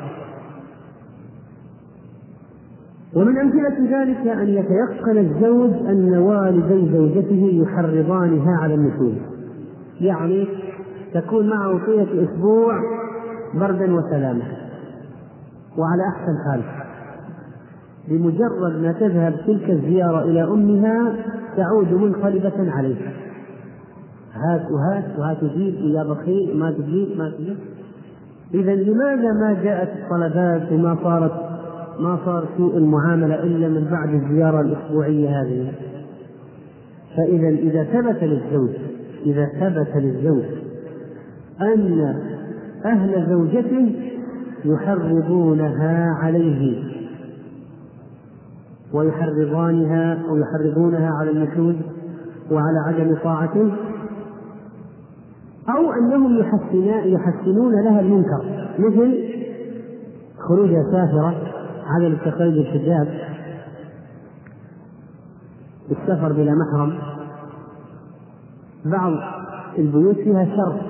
قد يكون أهل الزوجة سفقة. يحرضون الزوجة على ارتكاب المحرم. فله في هذه الحالة أن يمنعها من أهلها. إذا متى يمنع الزوج زوجته من أهلها؟ إذا ثبت لديه هو بالظن ليس بالظن ولا بالشك ولا بالريب. وإنما إذا ثبت لديه أنها إذا خرجت إليهم حرضوها على النشوز أو على الحرام وعلى المعاصي أو بيتهم مليء بالمعاصي. بيتهم اختلاط تبر سفور بيتهم معاصي منكرات. أفلام أغاني بيتهم سيء. بيتهم سيء. سب ولعن شكل بيتهم بيت معاصي. فهنا يمكن أن يمنعها بحجة شرعية. أما إذا كان أهلها مستقيم من المستقيمين ولا ولا يحرض يحرضون الزوجة على شيء وإنما بالعكس. يدعمان الزوج ويصلحان الحال ويطيبان خاطر الزوجة ويساعدان الزوجة. لأن الزوجة مثلا في حال الوضع تحتاج إلى أهلها. تضع عندهم الأولاد أمها تقوم عليها تخدمها في حال النفاس. إذا أهل الزوجة سند سند لابنتهم فإذا لم يوجد شر منهم فلماذا يمنع الزوج زوجته من الخروج إلى أهلها؟ ولا شك أن هذا الأمر في غاية الأهمية. و يتبع حق الزوج في البيت يتبع حق الزوج في البيت أن لا تأذن الزوجة لأحد بدخول البيت إلا بإذنه. لأن البخاري رحمه الله تعالى قد أخرج في صحيحه عن أبي هريرة رضي الله عنه أن رسول الله صلى الله عليه وسلم قال لا يحل للمرأة أن تصوم وزوجها شاهد إلا بإذنه يعني صيام النافلة ولا تأذن في بيته إلا بإذنه إذا المرأة ما تأذن في بيت زوجها إلا بإذنه ما تأذن لأحد بالدخول إلا بإذنه الذي يرتضيه الزوج يدخل والذي يقول لها الزوج ما يدخل فلان بيتي ولا فلانة ما تدخل بيتي يعني ما تدخل. لا يحل للزوجة أن تأذن لأحد رجلا كان أو امرأة أن يدخل في بيت زوجها وهو حاضر إلا بإذنه. هذا شرع الحديث. لا يحل للزوجة أن تأذن لأحد رجلا كان أو امرأة أن يدخل في بيت زوجها وهو حاضر إلا بإذنه. طبعا هنا ينبغي أن نشير إلى الإذن مسألة الإذن العام. يعني المرأة إذا كانت أحوالها مع زوجها عادية مستورة طيبة وقد تحتاج أحيانا أن تخرج من البيت ويصعب عليها أن تجد زوجها. وكذلك تحتاج أن تستقبل جارات أو صاحبات في البيت يأتون فجأة فماذا تفعل المرأة في هذه الحال؟ تأخذ إذنا عاما من زوجها. تقول يا زوجي ائذن لي. أعطني إذنا بالخروج من البيت متى ما دعت لي حاجة أو أن أدخل البيت جاراتي وصاحباتي الزوج إذا كان واثقا بزوجته سيعطيها الإذن العام. إذا أعطاها الإذن العام ما يحتاج أن تستأذن في كل مرة. أريد السوق أريد الجار أريد الشرف أريد. لا يحتاج أن تستأذن في كل مرة.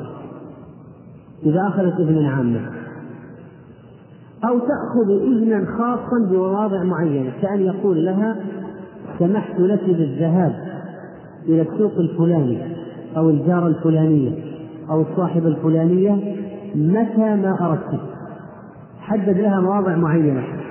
خلاص هذا إذن عام في هذه الأشياء المعينة. متى ما أرادت تخرج. كذلك لو قال كان واثقا بها فقال أذنت لمن رأيت لمن ترين بدخوله أن يدخل بيته. فتأذن لمن لمن رأته لمن رأت من المصلحة دخوله من جارات وصاحبات وأقرباء لها ومحارم لها تدخلهم في البيت. بالإذن العام. أو أنه يعطيها إذن معين لأشخاص معينين كأن يقول أهلك. محارمك جاراتك فلان وفلانة من صاحباتك ما عندي مانع يدخلوا في أي وقت يأتون ولا يحتاج تستأذنيني ولا ترجعي إلي فعند ذلك متى ما جاء وأنكرته لكن إذا قال أبدا لابد تستأذني في كل شخص. كأن يكون الرجل هذا يخشى أمور يخشى مشكلات يرتاب بدون وسوسة ولا مرض شك لأن بعض الأزواج شكاكين بدون سبب يعني وسوسة مرضى يعني نصنفهم في خانة المرضى مريض يشك في كل شيء حتى أن أحدهم يعني يمسك ورقة يمسك ورقة على الباب من الخارج يقول إذا طلعت ستنقطع الورقة. وأصلا ما فكر أحد أنه ويأتي يأتي بأقفال ومزلاج وأطراف وأشياء لكي يغلق الباب. ويتوهم أن كل الناس ينظرون إليه ويراقبونه ويريدون اقتحام بيته. وأن كل واحد يمشي في الشارع وراءه ينظر إلى زوجته. وأن أي واحد عدل مرآة السيارة يقصد زوجته. وأن باب الحمام لو فتح وأن باب النافذة وأن نافذة البيت لو فتحت معناها هناك مناظير موجهة. وهذا طبعا والعياذ بالله مرض وسوسة فربما يصل بعض الحالات أنه من المرض يفتح الباب النافذة يقول يا يا عصابات يا المافيا يا كذا أنتم تنظرون إلي. كما حصل لبعض الناس يعني هكذا. وربما يوقف أي واحد في الشارع ويسبه ويوقف سيارة وينزل على اللي وراه. ليش عدلت المرأة وعلى الذي أمامه. ليش عدلت المرأة ويفعل ويفعل. يعني مرض وسوسة. مرض مسكين مريض مريض. ولكن ليس معنى ذلك أن يكون الزوج مغفلا خصوصا مع استشراء الفساد في هذا الزمان. استشراء الفساد في هذا الزمان يوجب أخذ الشيطة ولا يعني أن الرجل إذا رأى أن المرأة فيها غفلة النساء يختلفن. هناك امرأة ذكية هناك امرأة لبقة تحسن التصرف هذه المرأة ما تحتاج إلى توصية. من الذي يدخل ومن الذي لا يدخل. ولكن في امرأة فيها غفلة. يمكن لو جاء البائع وجاء أي واحد رأى العداد ورأى كذا تفضل ادخل ادخل أو قال واحد يعني لازم أدخل أشوف العداد فتحت الباب مغفل. فالنساء يختلفن. فإذا كان الرجل رأى زوجته صاحب الدين وصاحب التصرف جيد هنا يمكن أن يطمئن يسمح لها.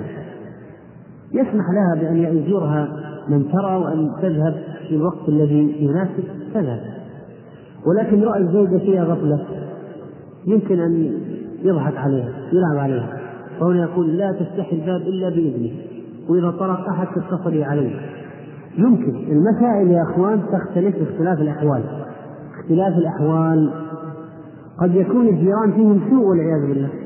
حيث الواحد ما لا يأمن يعني أن تفتح الزوجة الباب.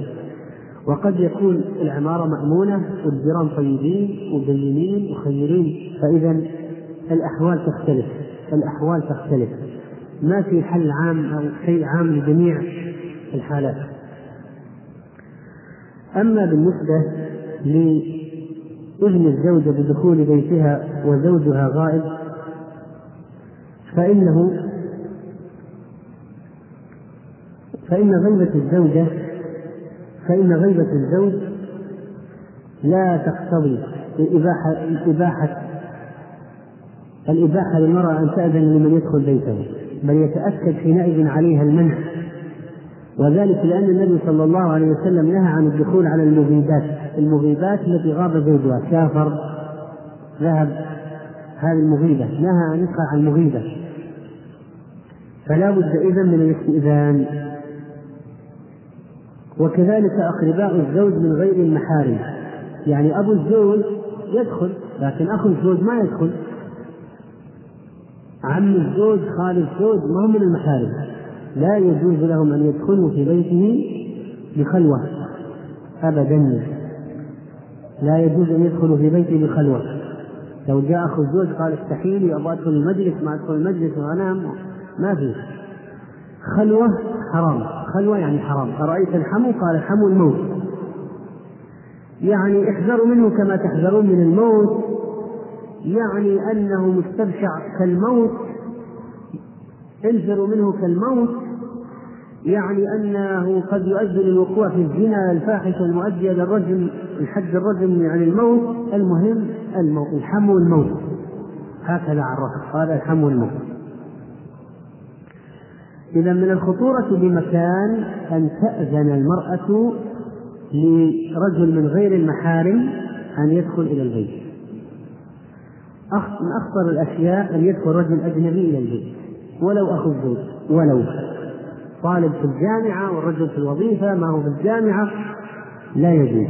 لا يجوز. ثم إن البيت الذي بعض الناس يتساهل يقول داخلين المجلس. المجلس ما هو داخل البيت؟ المجلس أليس قطعة من البيت ولا بيت منفصل؟ ولا شقة منفصلة؟ من البيت. إذا ما يجوز يدخل فيه. حكم الله حرام. إذا كان بيت منفصل تماما بيت منفصل تماما يدخل يعطيه المفتاح. يقول هذه الشقة لزوجتي وهذه شقة منفصلة لك ادخل فيها. لك وللضيوف هذا مفتاح ادخل فيها. أما أما البيت سواء كان شقة ولا فيلا ولا ولا بيت مستقل ولا دور ولا دورين لا يجوز أن يدخل فيه محرم غير محرم بخلوة مع المرأة أبدا. وقد حصلت من جراء ذلك مآسي مآسي. مآسي كانت عواقبها وخيمة ووخيمة جدا. وحتى النساء كما قلنا لابد أن تأخذ من زوجها إذنا لدخولهن إليها. لأن بعض النساء قد تكون مجرمة قد تكون عاصية فاسقة قد تكون من النمامات قد تكون من الساعين لخراب البيوت والتفريق بين الأزواج والزوجات. ولذلك كم جلبت من هؤلاء الشر إلى بعض البيوت. وكان دخولها وبالا وشرا على أهل البيت. ولذلك يبقى ابن الزوج لا بد منه بدخول حتى النساء إلى البيت. إلا إن كما قلنا عينوا نساء لها أو أخذت إذنا عاما كان يثق بها لتدخل النساء اللاتي يأتينها. ولا يسوغ للزوج أن يمنع أبوي زوجته ومحارمها من أن يدخلوا إلى أختهم وابنتهم إلا لمبرر شرعي كأن يكونوا يحرضون الزوجة أو يدعونها للنشوز أو يجلبون المعاصي إلى البيت يمنعهم. أما أنه يقول أنا أمنع أبوك أمنع أباك من الدخول وأمنع أمك وأخوك هذا لا يعتب البيت فهذا من ليس من مكارم الأخلاق. بل هو من مساوئ الأخلاق. ولذلك لا بد من أن لا بد من أن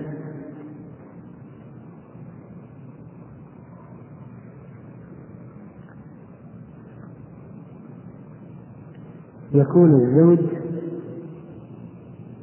متحببا إلى زوجته ليس فقط بالسماح لها بإدخال أهلها وإنما بإكرام أهلها.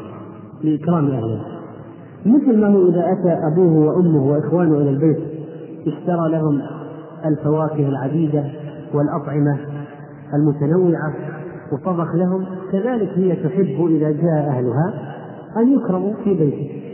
صحيح هو صاحب المال لكن الرجل ينبغي أن يكون كريما مع أهل زوجته وأن يكون مضيافا للجميع وأن يضع نفسه موضع زوجته كما أنه يحب أن يكرم أهله إذا هي تحب أن يكرم أهلها كذلك. وهذا من المعاشرة بالمعروف. نكتفي بهذا في موضوع في موضوع حق الزوج على زوجته في البيت وبقي عندنا حفظ ماله وخدمته. وقضية الخدمة من الأشياء التي يثور حولها الجدل وتحتاج إلى شيء من التقسيم إن شاء الله تعالى. فقد سبق الكلام أيها الإخوة في موضوع الحقوق الزوجية في حق الزوج على زوجته بأن تحفظه في بيته وأن حفظه في بيته يكون بأشياء كثيرة.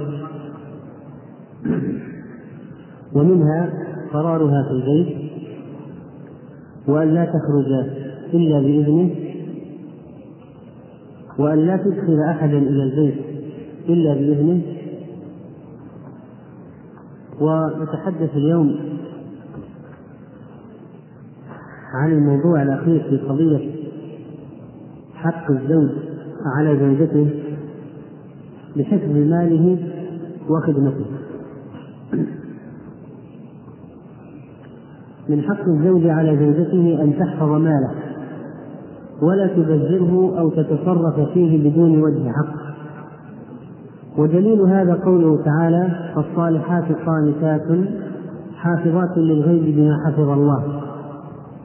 قال قال قتادة رحمه الله في تفسير هذه الآية مطيعات لله ولأزواجهن. وأصل القنوت مداومة الطاعة. وحافظات للغيب أي حافظات لما غاب عنه أزواجهن من المال من مال من مال من ماله وما يجب من رعاية حاله وما يلزم من صيانة نفسها له. فحال المرأة عند حضور الزوج أن تطيعه. وحال المرأة عند غياب الزوج وصفها الله تعالى بقوله حافظات للغيب وذلك من وجوه. ما معنى أن تكون المرأة حافظة للغيب؟ في غياب الزوج تحفظ نفسها عن الفاحشة لئلا يلحق الزوج العار بسبب زناها ولئلا يلتحق به ولد من نطفة غيره ولئلا تقع أولا وقبل كل شيء فيما يغضب الله تعالى. وثانيا عند غياب الزوج حفظه في ماله بحفظه من الضياع. وثالثا حفظ منزله عما لا ينبغي. وقد قال النبي عليه الصلاة والسلام جامعا هذه الأشياء خير النساء إن نظرت إليها سرت وإن أمرتها أطاعت وإن غبت عنها حفظتك في مالك ونفسها. في مالك ونفسها. حفظتك في مالك ونفسها فحفظت شيئا في ذاتها وهو العرض. وحفظت مال زوجها وقال الله تعالى بما حفظ الله حافظات للغيب بما حفظ الله أي عليهن أن يحفظن حقوق الزوج في مقابلة ما حفظ الله من حقوقهن على أزواجهن. لأن الله أمر الأزواج بالعدل في النساء ومعاشرة النساء بالمعروف وإعطاء النساء المهور. وبالمقابل ينبغي على المرأة أن تحفظ مقابل هذا الحقوق المحفوظة أن تحفظ حقوق زوجها عليها. وقد جاء في البخاري ومسلم عن عبد الله بن عمر رضي الله عنهما قال سمعت رسول الله صلى الله عليه وسلم يقول كلكم راع وكلكم مسؤول عن رعيته والمرأة راعية في بيت زوجها ومسؤولة عن رعيتها. وهذا يتضمن ما في البيت أثناء غياب الزوج مسؤولة عن رعيتها والخادم راع في مال سيده ومسؤول عن رعيته وكلكم راع وكلكم مسؤول عن رعيته. الراعي هو الحافظ المؤتمن الملتزم صلاح ما قام عليه وما هو تحت نظره. فكل من كان تحت نظره شيء فهو مطلوب بالعدل فيه والقيام بمصالحه في دينه ودنياه ومتعلقاته. ورعاية المرأة تعني حسن التدبير في بيت زوجها وتعني النصح له والأمانة في ماله وفي نفسها. وهي مسؤولة عن رعيتها. هل قامت بما يجب عليها ونصحت في التدبير أو لا؟ فإذا أدخل الزوج قوتا إلى البيت أو طعاما فإن زوجته أمينة على ذلك. وأيضا من ضمن حقوق الزوج المهمة والمهمة جدا مسألة الخدمة. هذه القضية التي صار فيها لغط كثير وكلام من قبل بعض الناس فلا بد من إلقاء الضوء على مسألة الخدمة. خدمة المرأة لزوجها.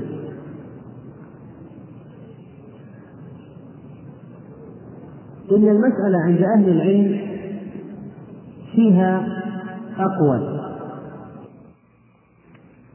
فمن ذلك أن بعضهم ذكر بأنها ليست ملزمة بالخدمة.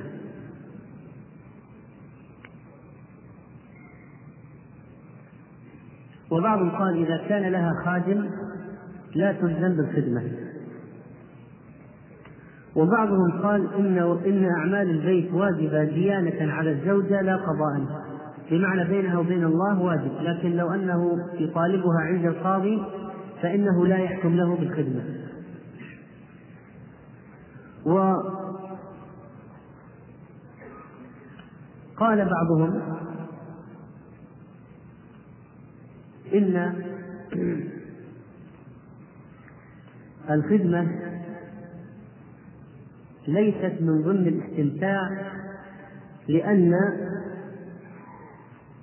المرأة جاء شأنها في حديث جابر قال لي رسول الله صلى الله عليه وسلم فهلا بكرا تلاعبها وتلاعبك؟ فقالوا إن هذا ليس شرطا على المرأة وإنما كانت العادة جارية بالخدمة ولكن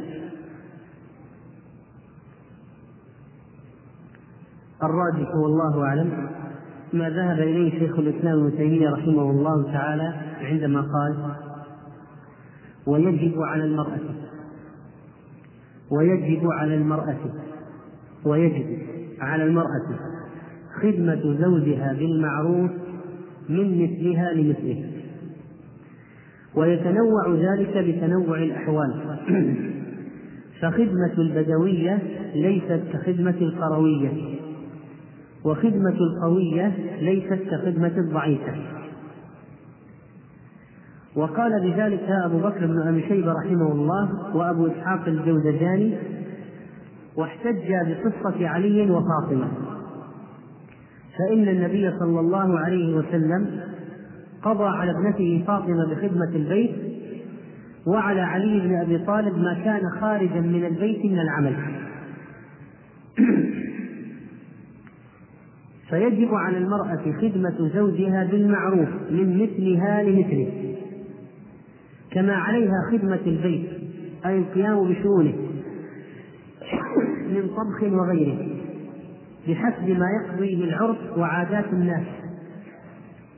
وهذا يختلف باختلاف الظروف والأحوال والأمكنة والأزمان. فلنأخذ الأدلة الدالة على وجوب الخدمة على المرأة. أخرج البخاري رحمه الله في صحيحه أن فاطمة رضي الله عنها بنت رسول الله بنت رسول الله صلى الله عليه وسلم أتت النبي صلى الله عليه وسلم تسأله خادما. لأن تعبت من الخدمة في البيت فتقول أريد خادم. فقال ألا أخبرك ما هو خير لك منه؟ تسبحين الله عند نومك ثلاثا وثلاثين. وتحمدين الله ثلاثا وثلاثين وتكبرين الله أربعا وثلاثين. هذا الحديث يدل على أن ذكر الله يعطي صاحبه قوة في الجسد. لأنه لما طلبت الخادم وقال أعطيك أدلك على أفضل من ذلك أخبرك بما هو خير لك منه. وذكر لها التسبيح والتحميد والتكبير. علمنا أن هذا يمد صاحبه بقوة في البدن إذا فعلته المرأة أغناها عن الخدم. إذا قامت به بإخلاص من قلب أغنى عن الخدم. يؤخذ من هذا الحديث كما قال الطبري رحمه الله أن كل من كانت له طاقة من النساء على خدمة بيتها في خبز أو طحن أو غير ذلك أن ذلك لا يلزم الزوج إذا كان معروفا أن مثلها يلي ذلك بنفسه. ووجه الأخذ بحديث فاطمة رضي الله عنها أنها لما سألت أباها صلى الله عليه وسلم الخادم لم يأمر زوجها بأن يكفيها ذلك. لم يأمره يقول هات خادم للبنت. هات خادمة هات امرأة تخدم بنتي. استأجر خادمة. ولو كان ذلك واجبا على علي لأمره النبي عليه الصلاة والسلام بذلك. فيؤخذ منه أن أنه ليس واجبا على الرجل أن يخدم أن يأتي بخادمة إلى البيت. طيب إذا كان هو لا يخدم في البيت ولا يجب عليه أن يأتي بخادم، إذا من الذي يخدم في البيت؟ من بقي؟ ما بقي إلا الزوجة. ودلها عليه الصلاة والسلام على شيء تستعين به على قيام بخدمة بيتها للخدمة في بيتها بالأذكار الشرعية. وأخرج الإمام البخاري رحمه الله تعالى في صحيحه. عن أسماء بنت أبي بكر رضي الله عنهما قالت تزوجني الزبير بن العوام وما له في الأرض مال ولا مملوك ولا شيء غير ناضح وغير فرس. فكنت أعلف فرسه تقول أسماء فكنت أعلف فرسه وأستقي الماء. وأخرج غربه الدلو الدلو الغرب. أخرجه.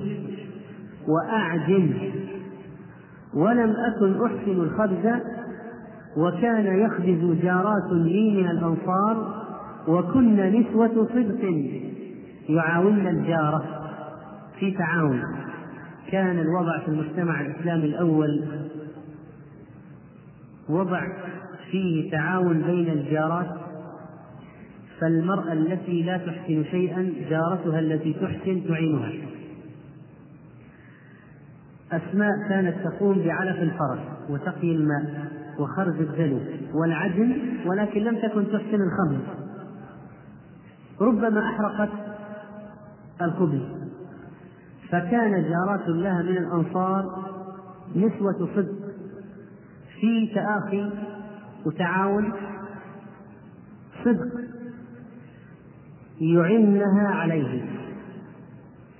وكنت أنقل النوى من أرض الزبير التي أقطعه رسول الله صلى الله عليه وسلم على رأسي وهي من على ثلثي فرسخ زوجها مشغول بالجهاد. الزبير من غزوة إلى غزوة من جيش إلى سرية. الزبير مشغول بالجهاد والقيام على أرضه. وهي تنقل النوى من أرض زوجها البستان من بستان زوجها على رأسها إلى البيت. وهي من على ثلثي فرسخ. الفرسخ يا جماعة تقريبا خمسة كيلو. ثلثي فرسخ قرابة ثلاثة كيلو. تمشي أسماء رضي الله عنها. على رأسها النوى ثلاثة كيلو. تمشي مشي. لتنقل النوى من أرض زوجها إلى بيته في البيت. فجئت يوما والنوى على رأسي فلقيت رسول الله صلى الله عليه وسلم ومعه نفر من الأنصار. في الطريق يعني. فدعاني عليه الصلاة والسلام ثم قال أخ أخ وهي كلمة تقال للناقة البعير حتى يبرك. ليحملني خلفه. أراد النبي عليه الصلاة والسلام أن يردف أسماء على البعير وهي أخت زوجته لكي يكفيها المشوار الطويل. ومعه أصحابه مجموعة. فاستحييت أن أسير مع الرجال. استحيت أسماء أن تسير مع الرجال. وذكرت الزبير وغيرته وكان أغير الناس. قالت الآن زوجي لو درى وعلم وهو شديد الغيرة ماذا يفعل بي؟ فعرف رسول الله صلى الله عليه وسلم أني قد استحييت فمضى. النبي عليه الصلاة والسلام فهم من تمنع أسماء عن الركوب أن استحيت فتركها ومضى. وهذا هو الأدب. ما في مفاوضات مع النساء. ولازم وحلفنا. خلاص. أشار لها بالركوب. المرأة استحيت تركها. عندها عنوان. ومشى فجئت الزبيرة فقلت لقيني رسول الله صلى الله عليه وسلم وعلى رأس النوى ومعه نفر من أصحابه فأناخ لأركب فاستحييت منه وعرفت غيرتك. فقال الزبير والله لحملك النوى كان أشد علي من ركوبك معه صحيح أني أغار وأن ركوبك مع الرجال شديد علي ولو ما في خلوة ولا فتنة ولا شيء مجموعة والنبي صلى الله عليه وسلم أطهر الناس. لكن يقول يعني مواسيا زوجته مع غيرتي يقول مع غيرتي الشديدة لكن حملك النوى على رأسك أشد علي من ركوبك. يعني كأنه يقول لو ركبت ما قلت شيئا. لأن حملك النوى أشد علي من الركوب. قالت أسماء حتى أرسل إلي أبو بكر وهو أبوها. بعد ذلك بخادم طبعا كلمة خادم تطلق على المرأة وعلى الرجل. خادم يعني امرأة. خادم. مثل كلمة عروس. بخادم تكفيني سياسة الفرس. يعني فقط الخادمة هذه التي أرسلها أبوها كانت فقط تكفيها الفرس فقط. قالت أسماء فكأنما أعتقني. فكأنما أعتقني. يعني كأني كنت في عبودية من شدة الشغل فلما جاءت الخادمة هذه كأني عتقت. كأني عتقت من ما مما أراحتني منه من العمل. استدل بهذه القصة على أن على المرأة القيام بجميع ما يحتاجه إليه زوجها من الخدمة. وذهب إلى هذا من الفقهاء أبو ثور رحمه الله. وقال بعضهم إنها تطوعت تطوعا بما فعلته وقال ابن حجر العسقلاني رحمه الله والذي يظهر أن هذه الواقعة وهي واقعة أسماء وحملها النوى لخدمة زوجها وأمثالها كانت حالة ضرورة ووجه هذه الضرورة شغل زوجها الزبير وغيره من المسلمين بالجهاد وغيره مما يأمرهم به رسول الله صلى الله عليه وسلم. وكانوا لا يتفرغون للقيام بأمور البيت بأن يتعاطوا ذلك بأنفسهم. ولضيق ما بأيديهم على استخدام من يقوم بذلك عنهم فانحصر الأمر في نسائهم. فكنا يكفينهم مؤونة البيت ومن فيه ليتوفروا على ما هم فيه من نصر الإسلام. يعني أن الزبير كان من أركان الدولة الإسلامية ولا شك. وكان من وزراء النبي عليه الصلاة والسلام. ورجل مشغول جدا الزبير بن عوام العشرة المبشرين. كان رجل مشغول جدا النبي عليه الصلاة والسلام يحتاج إلى الرجال الأقوياء الأمناء. مثل أبي بكر وعمر والزبير وسعد وعلي رضي الله عنهم. والزبير كان من أركان الدولة الإسلامية في ذلك الوقت. والجيوش تحتاج إلى إعداد تحتاج إلى تخطيط وتحتاج إلى قيادة تحتاج إلى مشاركة. نريد من هؤلاء النسوة اللاتي أتينا معهن بأطفال أن يكفوننا الأطفال اليوم. ما نريدهم أن يكفوننا لا فرس ولا عجين ولا خبز. بس يكفوننا الأطفال وفي كل ليلة وفي هذه الليلة إزعاج زائد. فابن حجر يقول رحمه الله أن حالة أسماء الزبير كانت حالة ضرورة لأن الزوج الزبير مشغول بأمور المسلمين العامة مسؤوليات جسام مسؤوليات على مستوى المجتمع ككل. وطبعا ابن الزبير ما يستطيع أن يتفرغ لقضيه لبيته الآن لأن عنده ما هو أهم من البيت بكثير جدا. ثم في ضيق ذات اليد. رجل ما عنده مال يستأجر خادم ما عنده مال. يأتي بخادمة. ما عنده. فهو مشغول جدا وما عنده مال. فانحصر الأمر في المرأة أن تقوم بكل هذه الأعمال.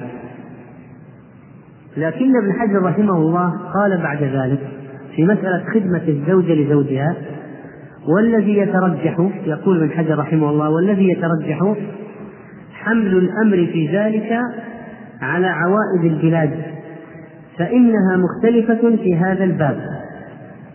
يعني في بعض البلدان الزوجة هي التي ترعى الغنم وتشتغل في المزرعة وتطبخ وتكنس وتعمل كل شيء وتنظف البيت وتكوي الثياب وتطعم الأولاد وتفعل كل شيء. في بعض البلدان هذا هو الحاصل. أليس كذلك؟ يشتغلن في البيت والمزرعة والحقل وكل حاجة والرعي رعي الغنم. وهذا حاصل في بعض البوادي والقرى والأرياف حاصل. في بعض البلدان المرأة, المرأة شبه مخدومة. مخدومة. عندها عندها من يخدمها. فيقول وفي بعض البلدان تكون المرأة مكلفة بالبيت وما هي مكلفة بشيء آخر خارج البيت. فإذا الناس في موضوع الخدمة في البيت بحسب الأحوال. خلص ابن حجر رحمه الله إلى خلاصة مهمة. خلاصة مهمة. أن الخدمة تعتمد على الأحوال. خدمة المرأة في البيت تعتمد على الحال. فإن كان البلد الذي هي فيه طبيعة الناس وحال الناس أن المرأة تخدم خارج وداخل تخدم خارج وداخل في الرعي والزرع والبيت تخدم في الجميع. إن كان تخدم في البيت فقط ولا تخدم خارجه إذا ألزمناها بالخدمة داخله ولم نلزمها بما هو خارج. إن كان في بيئة غنية درج أهلها وجماعتها والناس الذين هي منهم والبلد على أنها تستعين بخادم في البيت. إذا تستعين بخادم في البيت. فابن حجر رحمه الله اقترب من قول القائلين بوجوب الخدمة على الزوجة على النحو الذي يقضي به عرف الناس وعادتهم. وقال ابن القيم رحمه الله في قصة أسماء ولما رأى النبي صلى الله عليه وسلم أسماء والنوى على رأسها والزبير جاء زوجها معه يعني في صحابته وجماعته لم يقل له عليه الصلاة والسلام يعني ما قال النبي عليه الصلاة والسلام للزبير لا خدمة عليها وأن هذا ظلم لها. ما قال تعال يا زوجها كيف أنت كيف تدعى تعمل هذا الأعمال؟ هذا ظلم. ما قال ذلك عليه الصلاة والسلام. سكت على الأمر معناها أنه مقر لهذا النوع من الخدمة. مقر لها. مقر لها. بل أقره على استخدامها وأقر سائر أصحابه على استخدام أزواجهن وهذا أمر لا ريب فيه. قاله في زاد المعاد.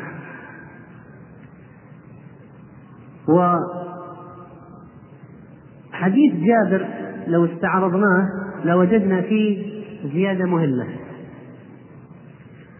قال جابر رضي الله عنه كما في صحيح البخاري هلك أبي وترك سبع بنات أو تسع بنات فتزوجت امرأة ثيبة فقال لي رسول الله صلى الله عليه وسلم تزوجت يا جابر؟ فقلت نعم. فقال بكرا أم ثيبا قلت بل ثيبا قال فهل جارية تلاعبها وتلاعبك وتضاحكها وتضاحكك؟ قال جابر فقلت له إن عبد الله يعني أبي هلك وترك بنات وإني كرهت أن أجيئهن بمثلهن. يعني ذكر مثلهن صغيرة السن ما تنفع. فتزوجت امرأة تقوم عليهن وتصلحهن. فقال بارك الله لك أو خيرا يعني قال خيرا ودعا له عليه الصلاة والسلام. ماذا عنون البخاري عن الحديث قال باب عون المرأة زوجها في ولده. يعني لو عنده لو عنده أولاد من زوجة أخرى. عنده أولاد من زوجة أخرى أو عنده بنات أخوات. قال البخاري باب عون المرأة زوجها في ولده. قال الإمام ابن حجر رحمه الله وكأن البخاري استنبط قيام المرأة على ولد زوجها من قيام امرأة جابر على أخواته ووجه ذلك منه بطريق الأولى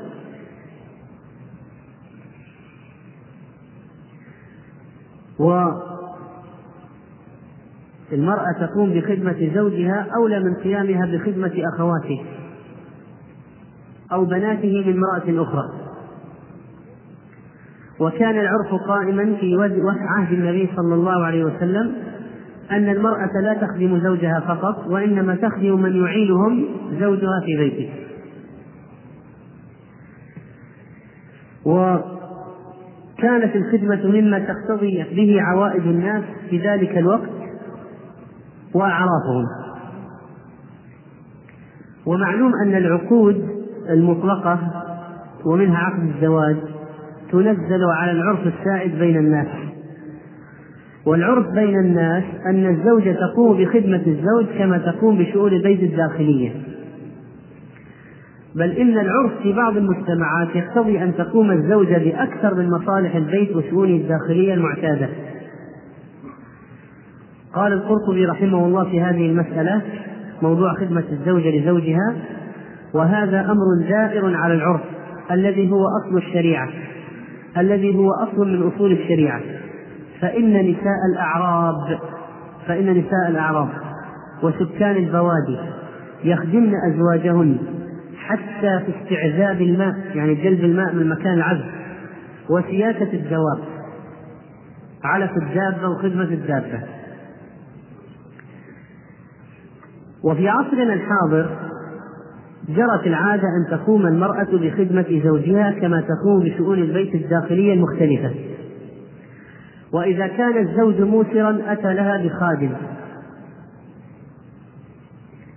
فإذا نقول الخلاصة أن خدمة المرأة لزوجها تعتمد على العرف الموجود وعلى العوائد الموجودة وعلى ما يصلح من مثلها لمثله.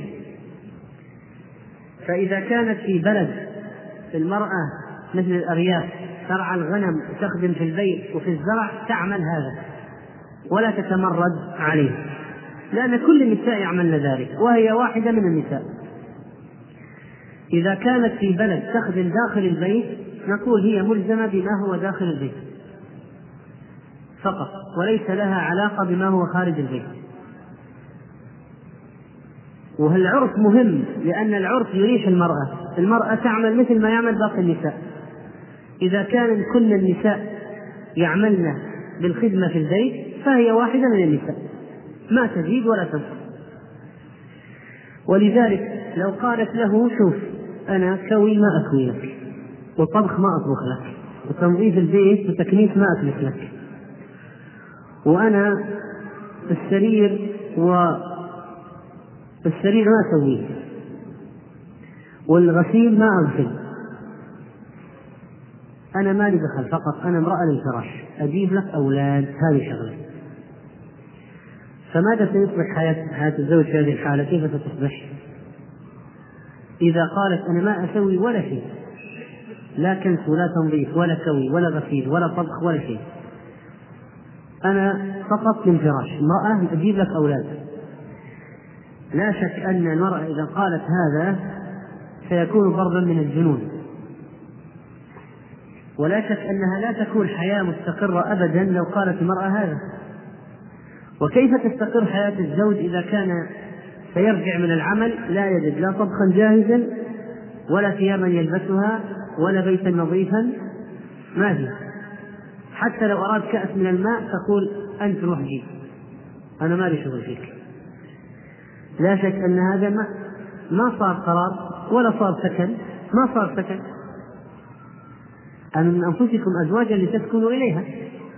فإذا كان ما في خدمة بالمرة كأنها في فندق يعني الزوجة كأنها في فندق. تبغى شيء اضغط الزر. اضغط الزر يعني جيب لك خدامة. جيب لك خدامة يعني حط يدك على 600 ريال بالشهر.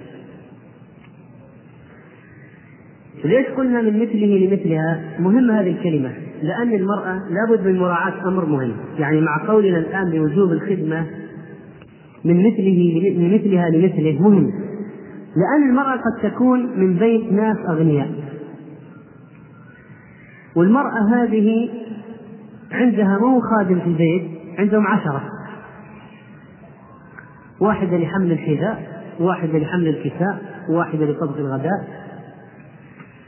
هذه المرأة بطبيعة الحال لا تتحمل العمل لأنها مخدومة نشأت منذ نعومة أظفارها على هذا. هذه المرأة من العدل والإنصاف أن زوجها يوفر لها الخدمة لأنها هكذا كانت في بيتها وبيئتها وإذا أراد أن يأخذ من هؤلاء القوم يعني يتحمل تبعات ما سيأتي عليه بعد ذلك. لأن المرأة إذا كانت في مثل هذه البيئة ما تتحمل أن تأتي إلى بيئة وترعى الغنم تصلح الزرع تقطف الثمار وتحمل الأشياء والبيت. ما يمكن ما يمكن. يعني يمكن أن تموت ولا أنها تشتغل هذا الشغل.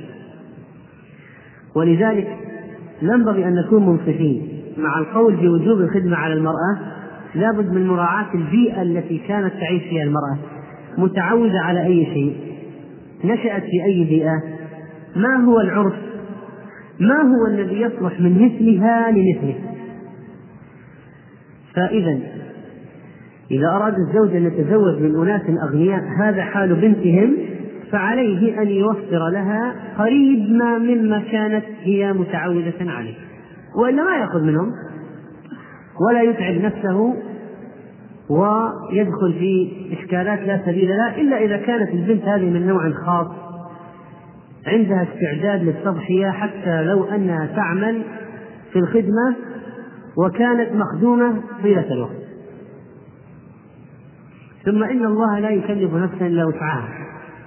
فالآن إذا كان الزوج راتبه مرتبه لا يكفيه إلا بالكاد.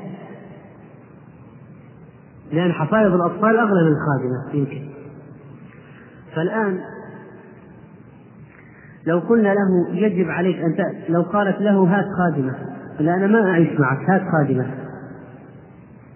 فلا شك أنه فلا شك أنه سينغص عيشه تنغيصا شديدا ويضطر للاستدانة ويتحمل ما لا طاقة له به. ولذلك مهمة عبارة أن تقوم يجب عليها أن تقوم بما يصلح من مثلها لمثله من مثلها وطبقتها وبيئتها وعائلتها لمثله زوج في هذه الحالة في هذا المستوى المادي في هذا المستوى المعيشي. ولذلك الإنسان يأخذ من طبقته يأخذ من طبقته. بل إنك تجد الآن في البلد الواحد يوجد أغنياء متعودين نساءهم على الخدمة في كل شيء وفي في شمال البلد وفي جنوب البلد طبقة فقيرة معدمة المرأة تعمل كل شيء. هذه يمكن أكثر أكثر المدن الشمال أغنياء والجنوب فقراء. يمكن تتأمل في أكثر المدن تجد هذا الوضع يعني تقريبا. ف فينبغي أن يراعى حال المرأة وإذا كانت المرأة من بيئة معتادة على الخدمة تخدم مثلها مثل غيرها ما زادت ولا نقصت. فلعل هذا الخلاصة تكون هذه الخلاصة هي ما يمكن أن يقال في موضوع خدمة المرأة لزوجها. قد يكون أهل الزوجة فسقة يحرضون الزوجة على ارتكاب المحرم. فله في هذه الحالة أن يمنعها من أهلها. إذا متى يمنع الزوج زوجته من أهلها؟ إذا ثبت لديه. هو بالظن ليس بالظن ولا بالشك ولا ب... فلعل هذا الخلاصة تكون هذه الخلاصة هي ما يمكن أن يقال في موضوع خدمة المرأة لزوجها. والله تعالى أعلم وصلى الله وسلم على نبينا محمد يقول السؤال هل يجوز لأختي أن تسد عني ديني لزكاة مالها دون أن تعلم أنها دفعت زكاة مالها لسد دين أخيها؟ كيف كيف لا تعلم؟ إذا كانت هي التي ستنفق فلا بد أن تعلم أين فلا بد أن تعلم ولكن يجوز للأخت أن تعطي زكاة مالها لأخيها الفقير. هل يجوز العمل في تدقيق الحسابات الربوية؟ الجواب لا بطبيعة الحال. هل يجوز على الزوج أن يطلق الزوجة إذا لم تصلي؟ هو يجوز يجب عليه لأن تاركة الصلاة مرتدة عن الإسلام. يدعوها بالحسنى ما ما أجابت يفارقها. لا هن حل لهم ولا هم يحلون لهم. ما رأيكم في أب يأمر ولده المتزوج أن يسكن أخاه الآخر معه في مسكن واحد فيكون الولد وأخوه وزوجته في شقة واحدة؟ ويكون في هذا حفظ للولد نظرا لغياب الأب. إذا كان ذلك سيؤدي إلى خلوة بين أخيه وزوجته فحرام عليه أن يفعل ذلك. ولو كان أمره أبوه. أما إذا كان سيخرج أخاه من البيت ولا يدخله إذا كانت الزوجة لوحدها فهو مأجور. يفعل ذلك. يبقيه عنده بدون خلوة. عقد عقد زواج وفي نية الزوج الطلاق بعد مدة وجيزة. هذه المسألة فيها خلاف بين أهل العلم. الراجح الجواز إذا لم يذكر ذلك ولم يعلمه ولم يقله ولم يشرطه كان شيئا في نفسه. وربما يتغير الحال ويرزقه الله منها أولاد أو تعجبه المرأة ويتعلق بها وهذه قضية غيبية مسألة أن يفارق ولا يفارق الله أعلم. إنما النية الداخلية لو كانت موجودة لا يضر بصحة العقد نعم إنه ليس من الذوق أن يفعل ذلك لكنه لو لو أنه أعلنه فصار نكاح متعة محرم وشرطه صار نكاح متعة محرم نكاح المتعة ينتهي بانتهاء العقد بانتهاء المدة. أما النية ما هي مذكورة ولا منصوص عليها ولا مشروطة. حديثة نفس. ولذلك لو انتهت المدة التي نواها ما يدخل العقد ولا ينتهي العقد حتى يطلق. لو تم عقد الزواج وتحت وتمت الخلوة حسب السؤال. إذا قلنا الزواج صحيح خلاص لا يضر الخلوة ولا الدخول ولا شيء. من مات ولم يغزو يعني إذا لم يتوفر غزو أو أمر به ووجب عليه أو يحدث نفسه إذا ما صار في غزو شرعي فهو ما سيموت في تجاهله. فلا بد للإنسان أن يكون إما غازي أو محدث نفسه بالغزو. يعني ينوي أنه إذا صار في جهاد شرعي أن يجاهد. إذا فاتتني ركعة واحدة من ركعتي الشفع فما الحكم؟ تأتي بها بعد الإمام. الصلاة على الميت يكبر رافعا يديه ثم يقرأ دعاء الاستفتاح. قال بعضهم قال بعضهم لا استفتاح لأن الصلاة قصيرة. ثم يقرأ تعوذ بسملة ويتلو سورة الفاتحة ثم وسورة إذا أراد. ثم يكبر رافعا يديه ويصلي على النبي صلى الله عليه وسلم بالصلاة الإبراهيمية المعروفة. ثم يكبر رافعا يديه ويدعو للميت. ثم يكبر رافعا يديه ويسلم عن يمينه. هذه أربع تكبيرات. وإذا جينا على رواية الخمس والست والسبع ماذا نفعل؟ نقول هذه الروايات يدعو في التكبيرات الأخرى. يعني بعد الرابعة يدعو يكبر الخامسة يدعو يكبر السادسة يدعو يكبر السابعة يدعو ثم يسلم. يعني في عدة روايات في صلاة الجنازة.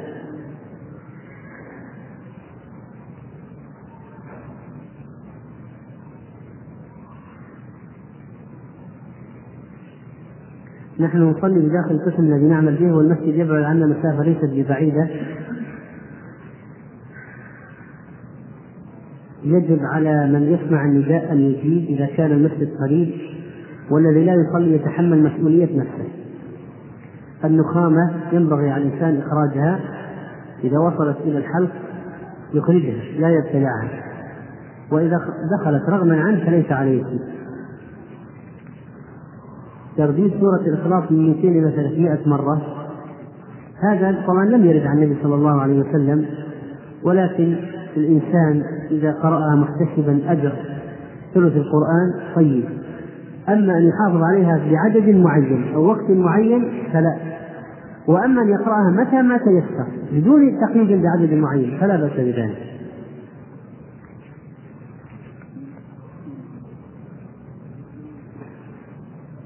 لا شك أن الاستمناء في نهار رمضان من المفطرات وعليه التوبة والإمساك والقضاء. من صلى الوتر ثلاث ركعات دون الجلوس في التشهد الأول لا بأس صلاته صحيحة.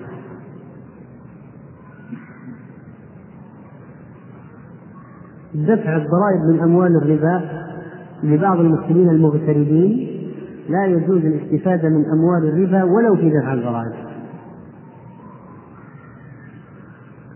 حكم تقبيل الزوجة للصائم إذا كان يملك نفسه لا بأس إذا كان لا يملك نفسه لا يجوز. من غلب عليه النعاس أثناء التراويح ليس عليه شيء.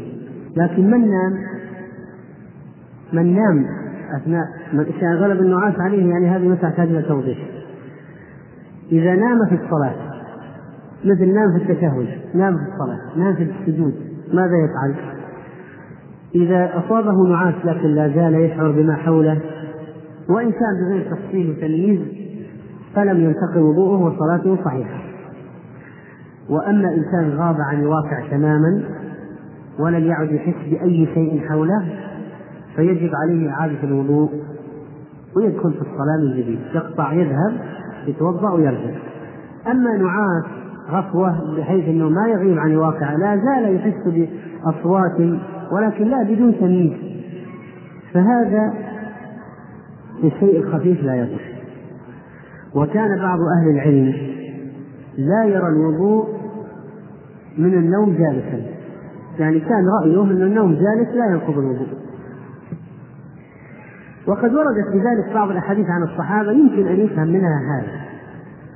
لكن الحديث الواضح جدا النص الموضوع العين وكاء السهم فإذا نامت العين استطلق الوسام السهل يعني فتحة الدبر العين إذا كانت متيقظة فالإنسان ماسك نفسه.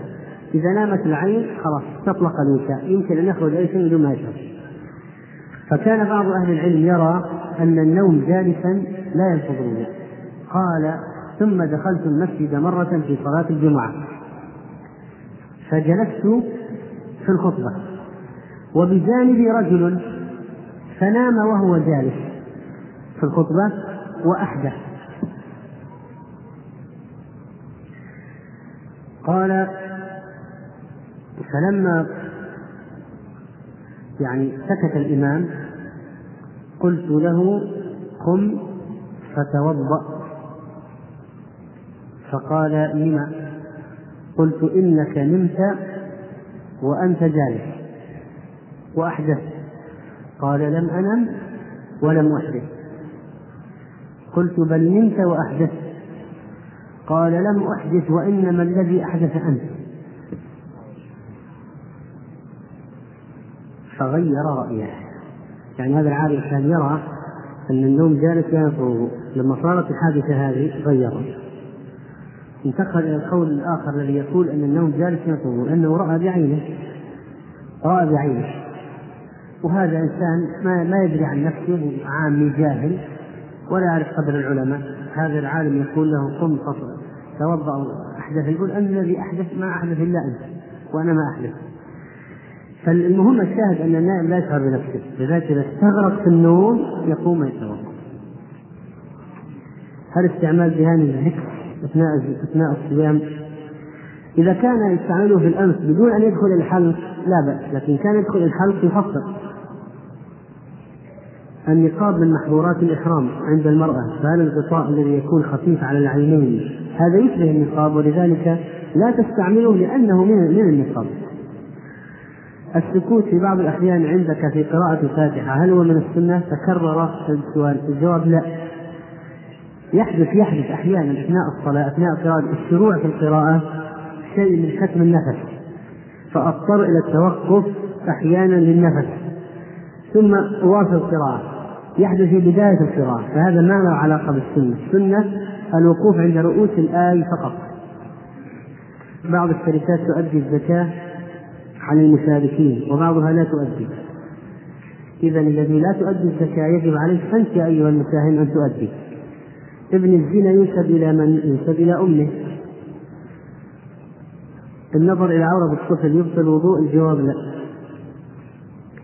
امرأة تعمل مدرسة والعمل في المنزل كثير جدا ولي أربعة أطفال ولا تراها ترتاح أو تنام وقد انتفخت أرجلها من كثرة العمل والتدريس.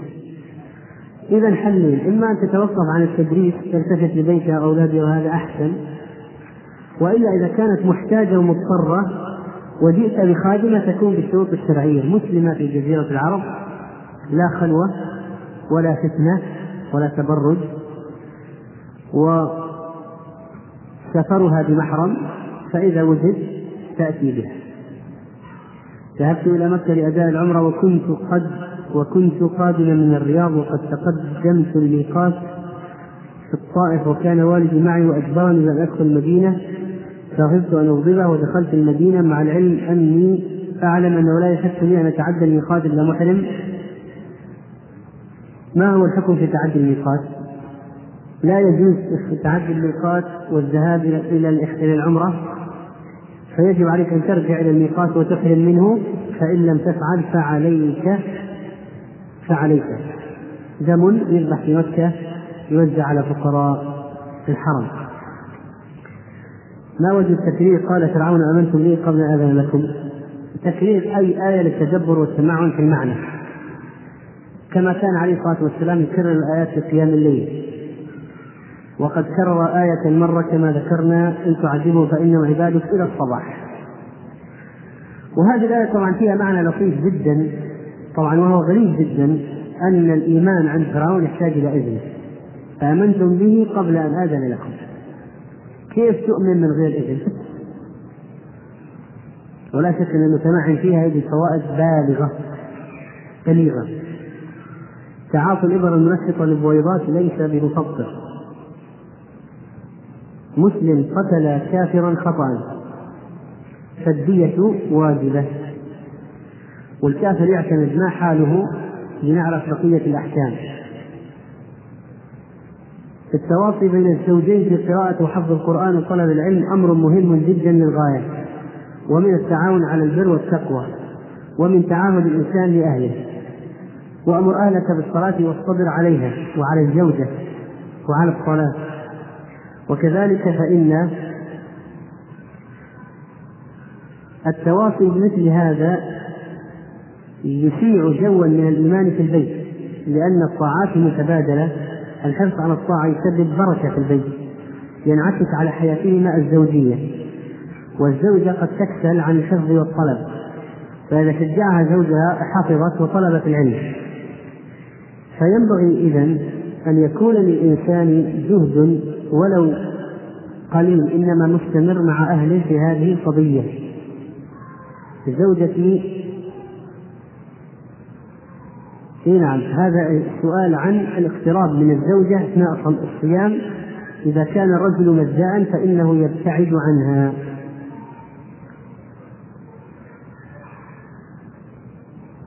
إذا طلبت من زوجتي أن تخدم والدي ووالدتي خدمة خفيفة لا بأس. طيب. وهي أيضا تكون على قدر هذا الطلب.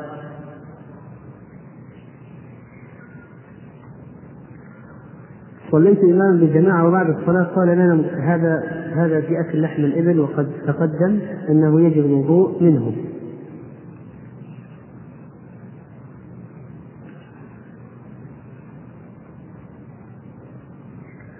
هذا السؤال هل يرث الأحفاد من جدهم مع وجود أعمامهم؟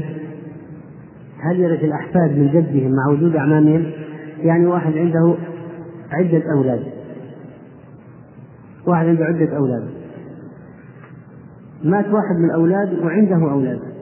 فصار عنده أحفاد وأولاد. الرجل هذا الجد. أولاد وأحفاد. مات الجد. الجد مات. أولاده يرثون. طيب والأحفاد؟ الجواب الأعمام يحجبون أولاد أخيهم. ولا يرث الأحفاد مع وجود أعمامهم. ولو ورثتهم بعض القوانين المعاصرة فإنه في الشرع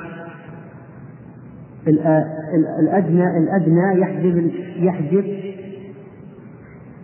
الأقرب يحجب الأبعد الأقرب يحجب الأبعد أولاد الميت أولاد أولاده أولى من أولاد أولاده أولاده أولى من أولاد أولاده.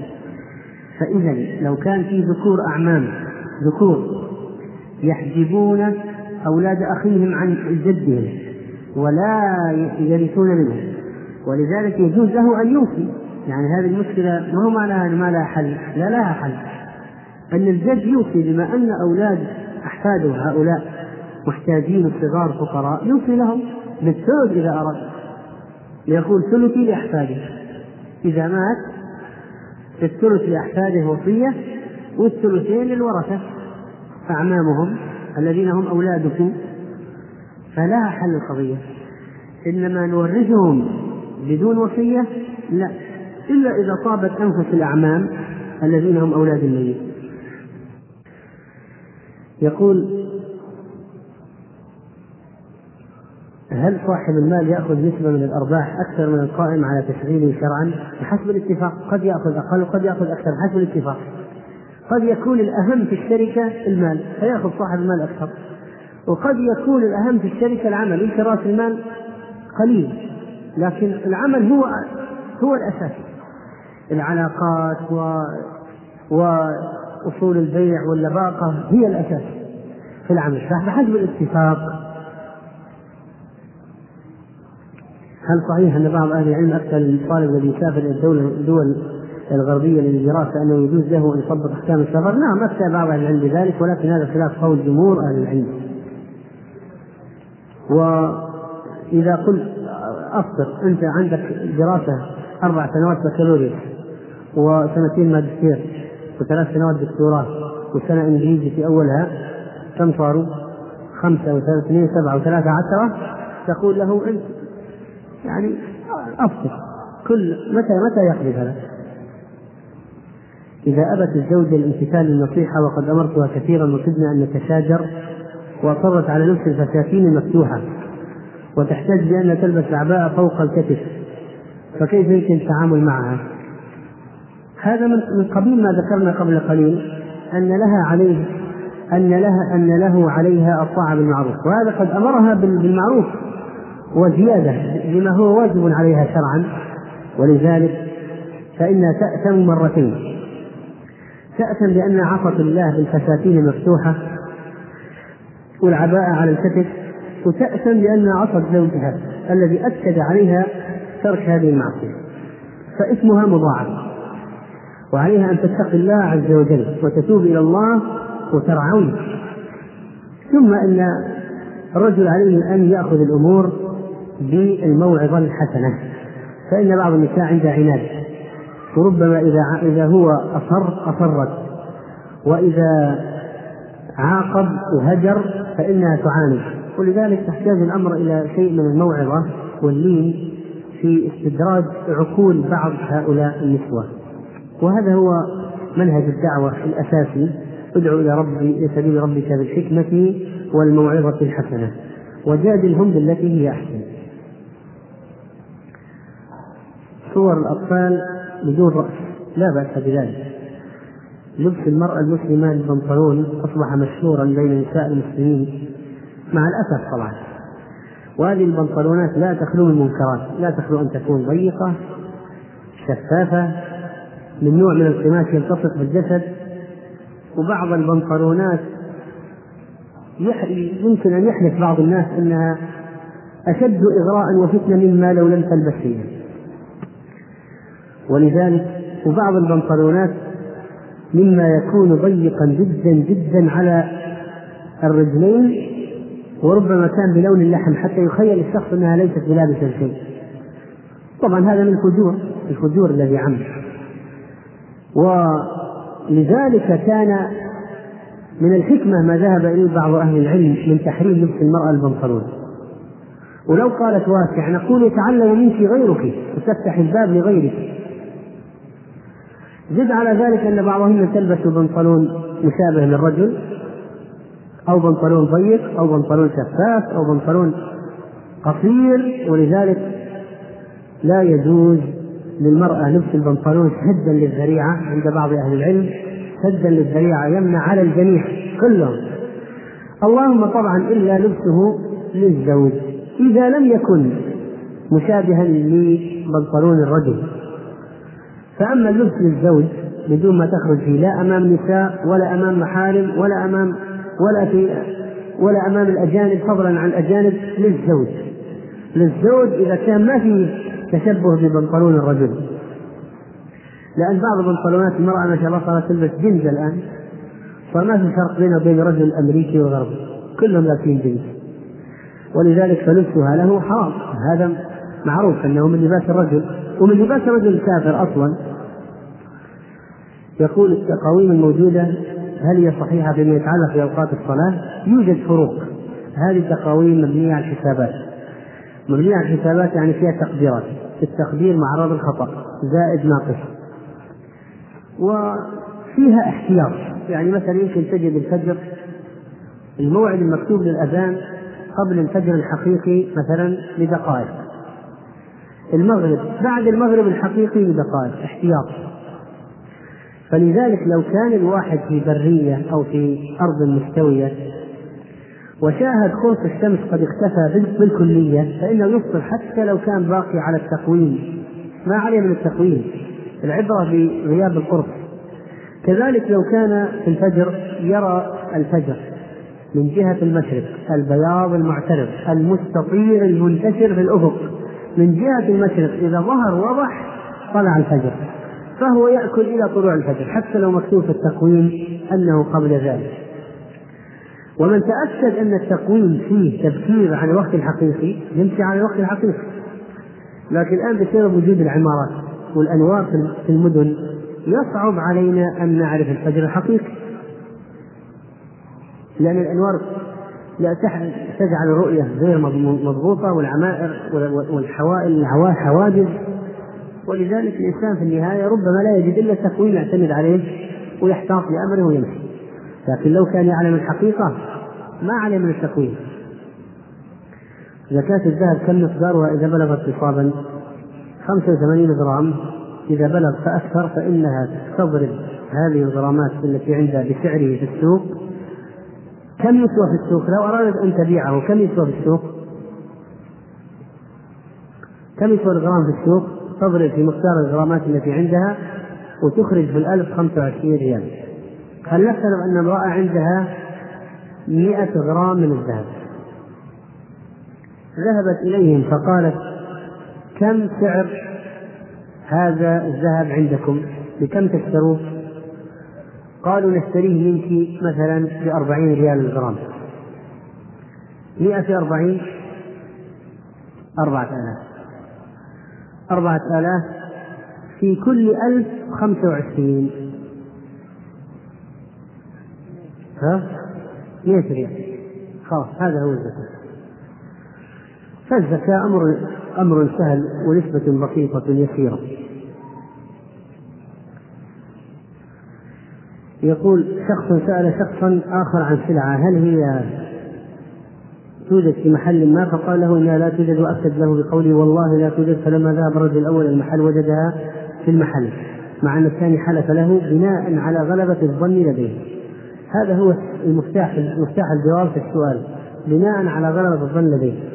يجوز أن يحلف بناء على غلبة الظن وإذا وإذا اتضح أن كلامه غير صحيح لا لا كفارة عليه لأنه لما حلف كان يظن نفسه صادقا.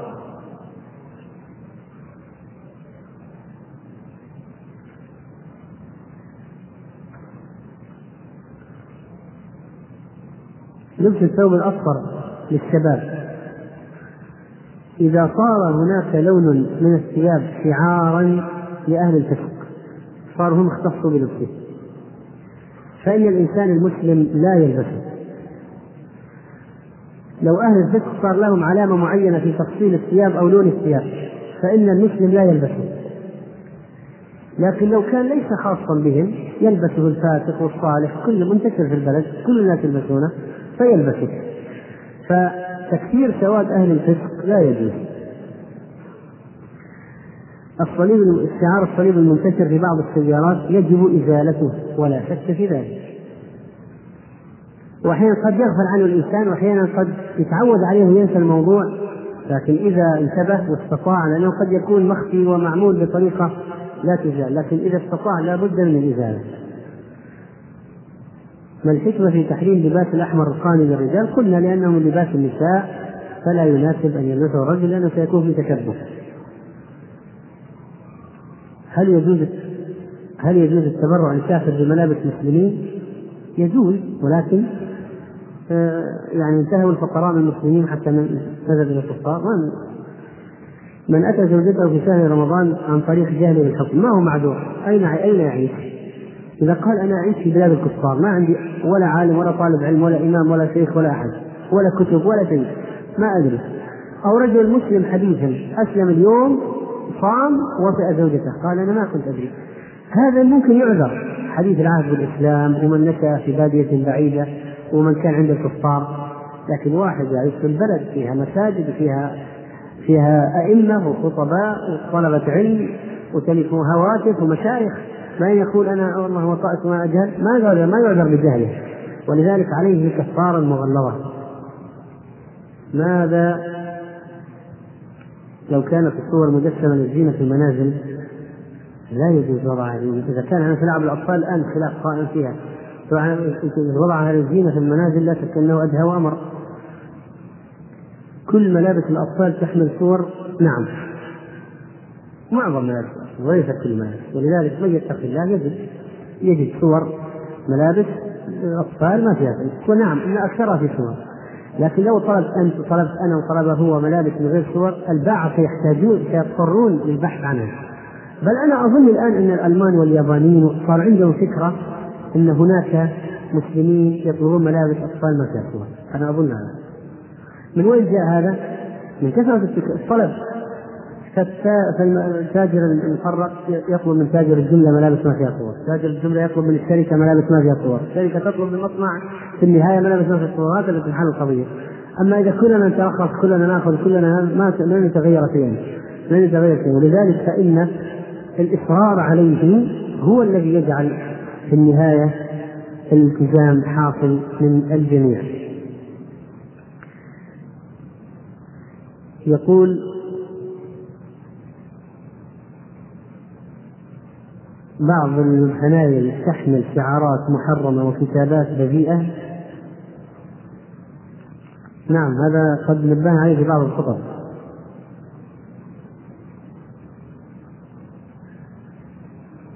وهذا طبعا لا شك أنه حرام أن يحمل الإنسان على صدره كلمات فاحشة وبذيئة والدعاية بعضها فيها دعوة إلى الفاحشة بعضها فيها دعوة إلى الفاحشة.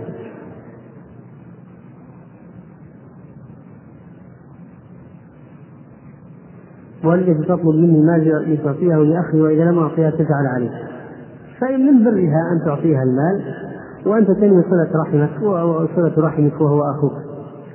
هل يجوز أن يقرأ الإمام السور الطوال قبل القصار في الصلاة الجهرية؟ طبعا طوال قبل القصار نعم. زوجي يسمع الفجر ويصلي في البيت دون أي عذر يمنعه. لا شك أنه مقصر وعاصي لأن صلاة الجماعة في المسجد واجبة. أما قد هممت أن أمر بالصلاة فتقام ثم أخالف إلى أقوام لا يشهدون الصلاة فأحرق عليهم بيوتهم. وقال للأعمى رضي الله عنه أجب. تسمع النداء؟ قال نعم. قال فأجب وهو أعمى.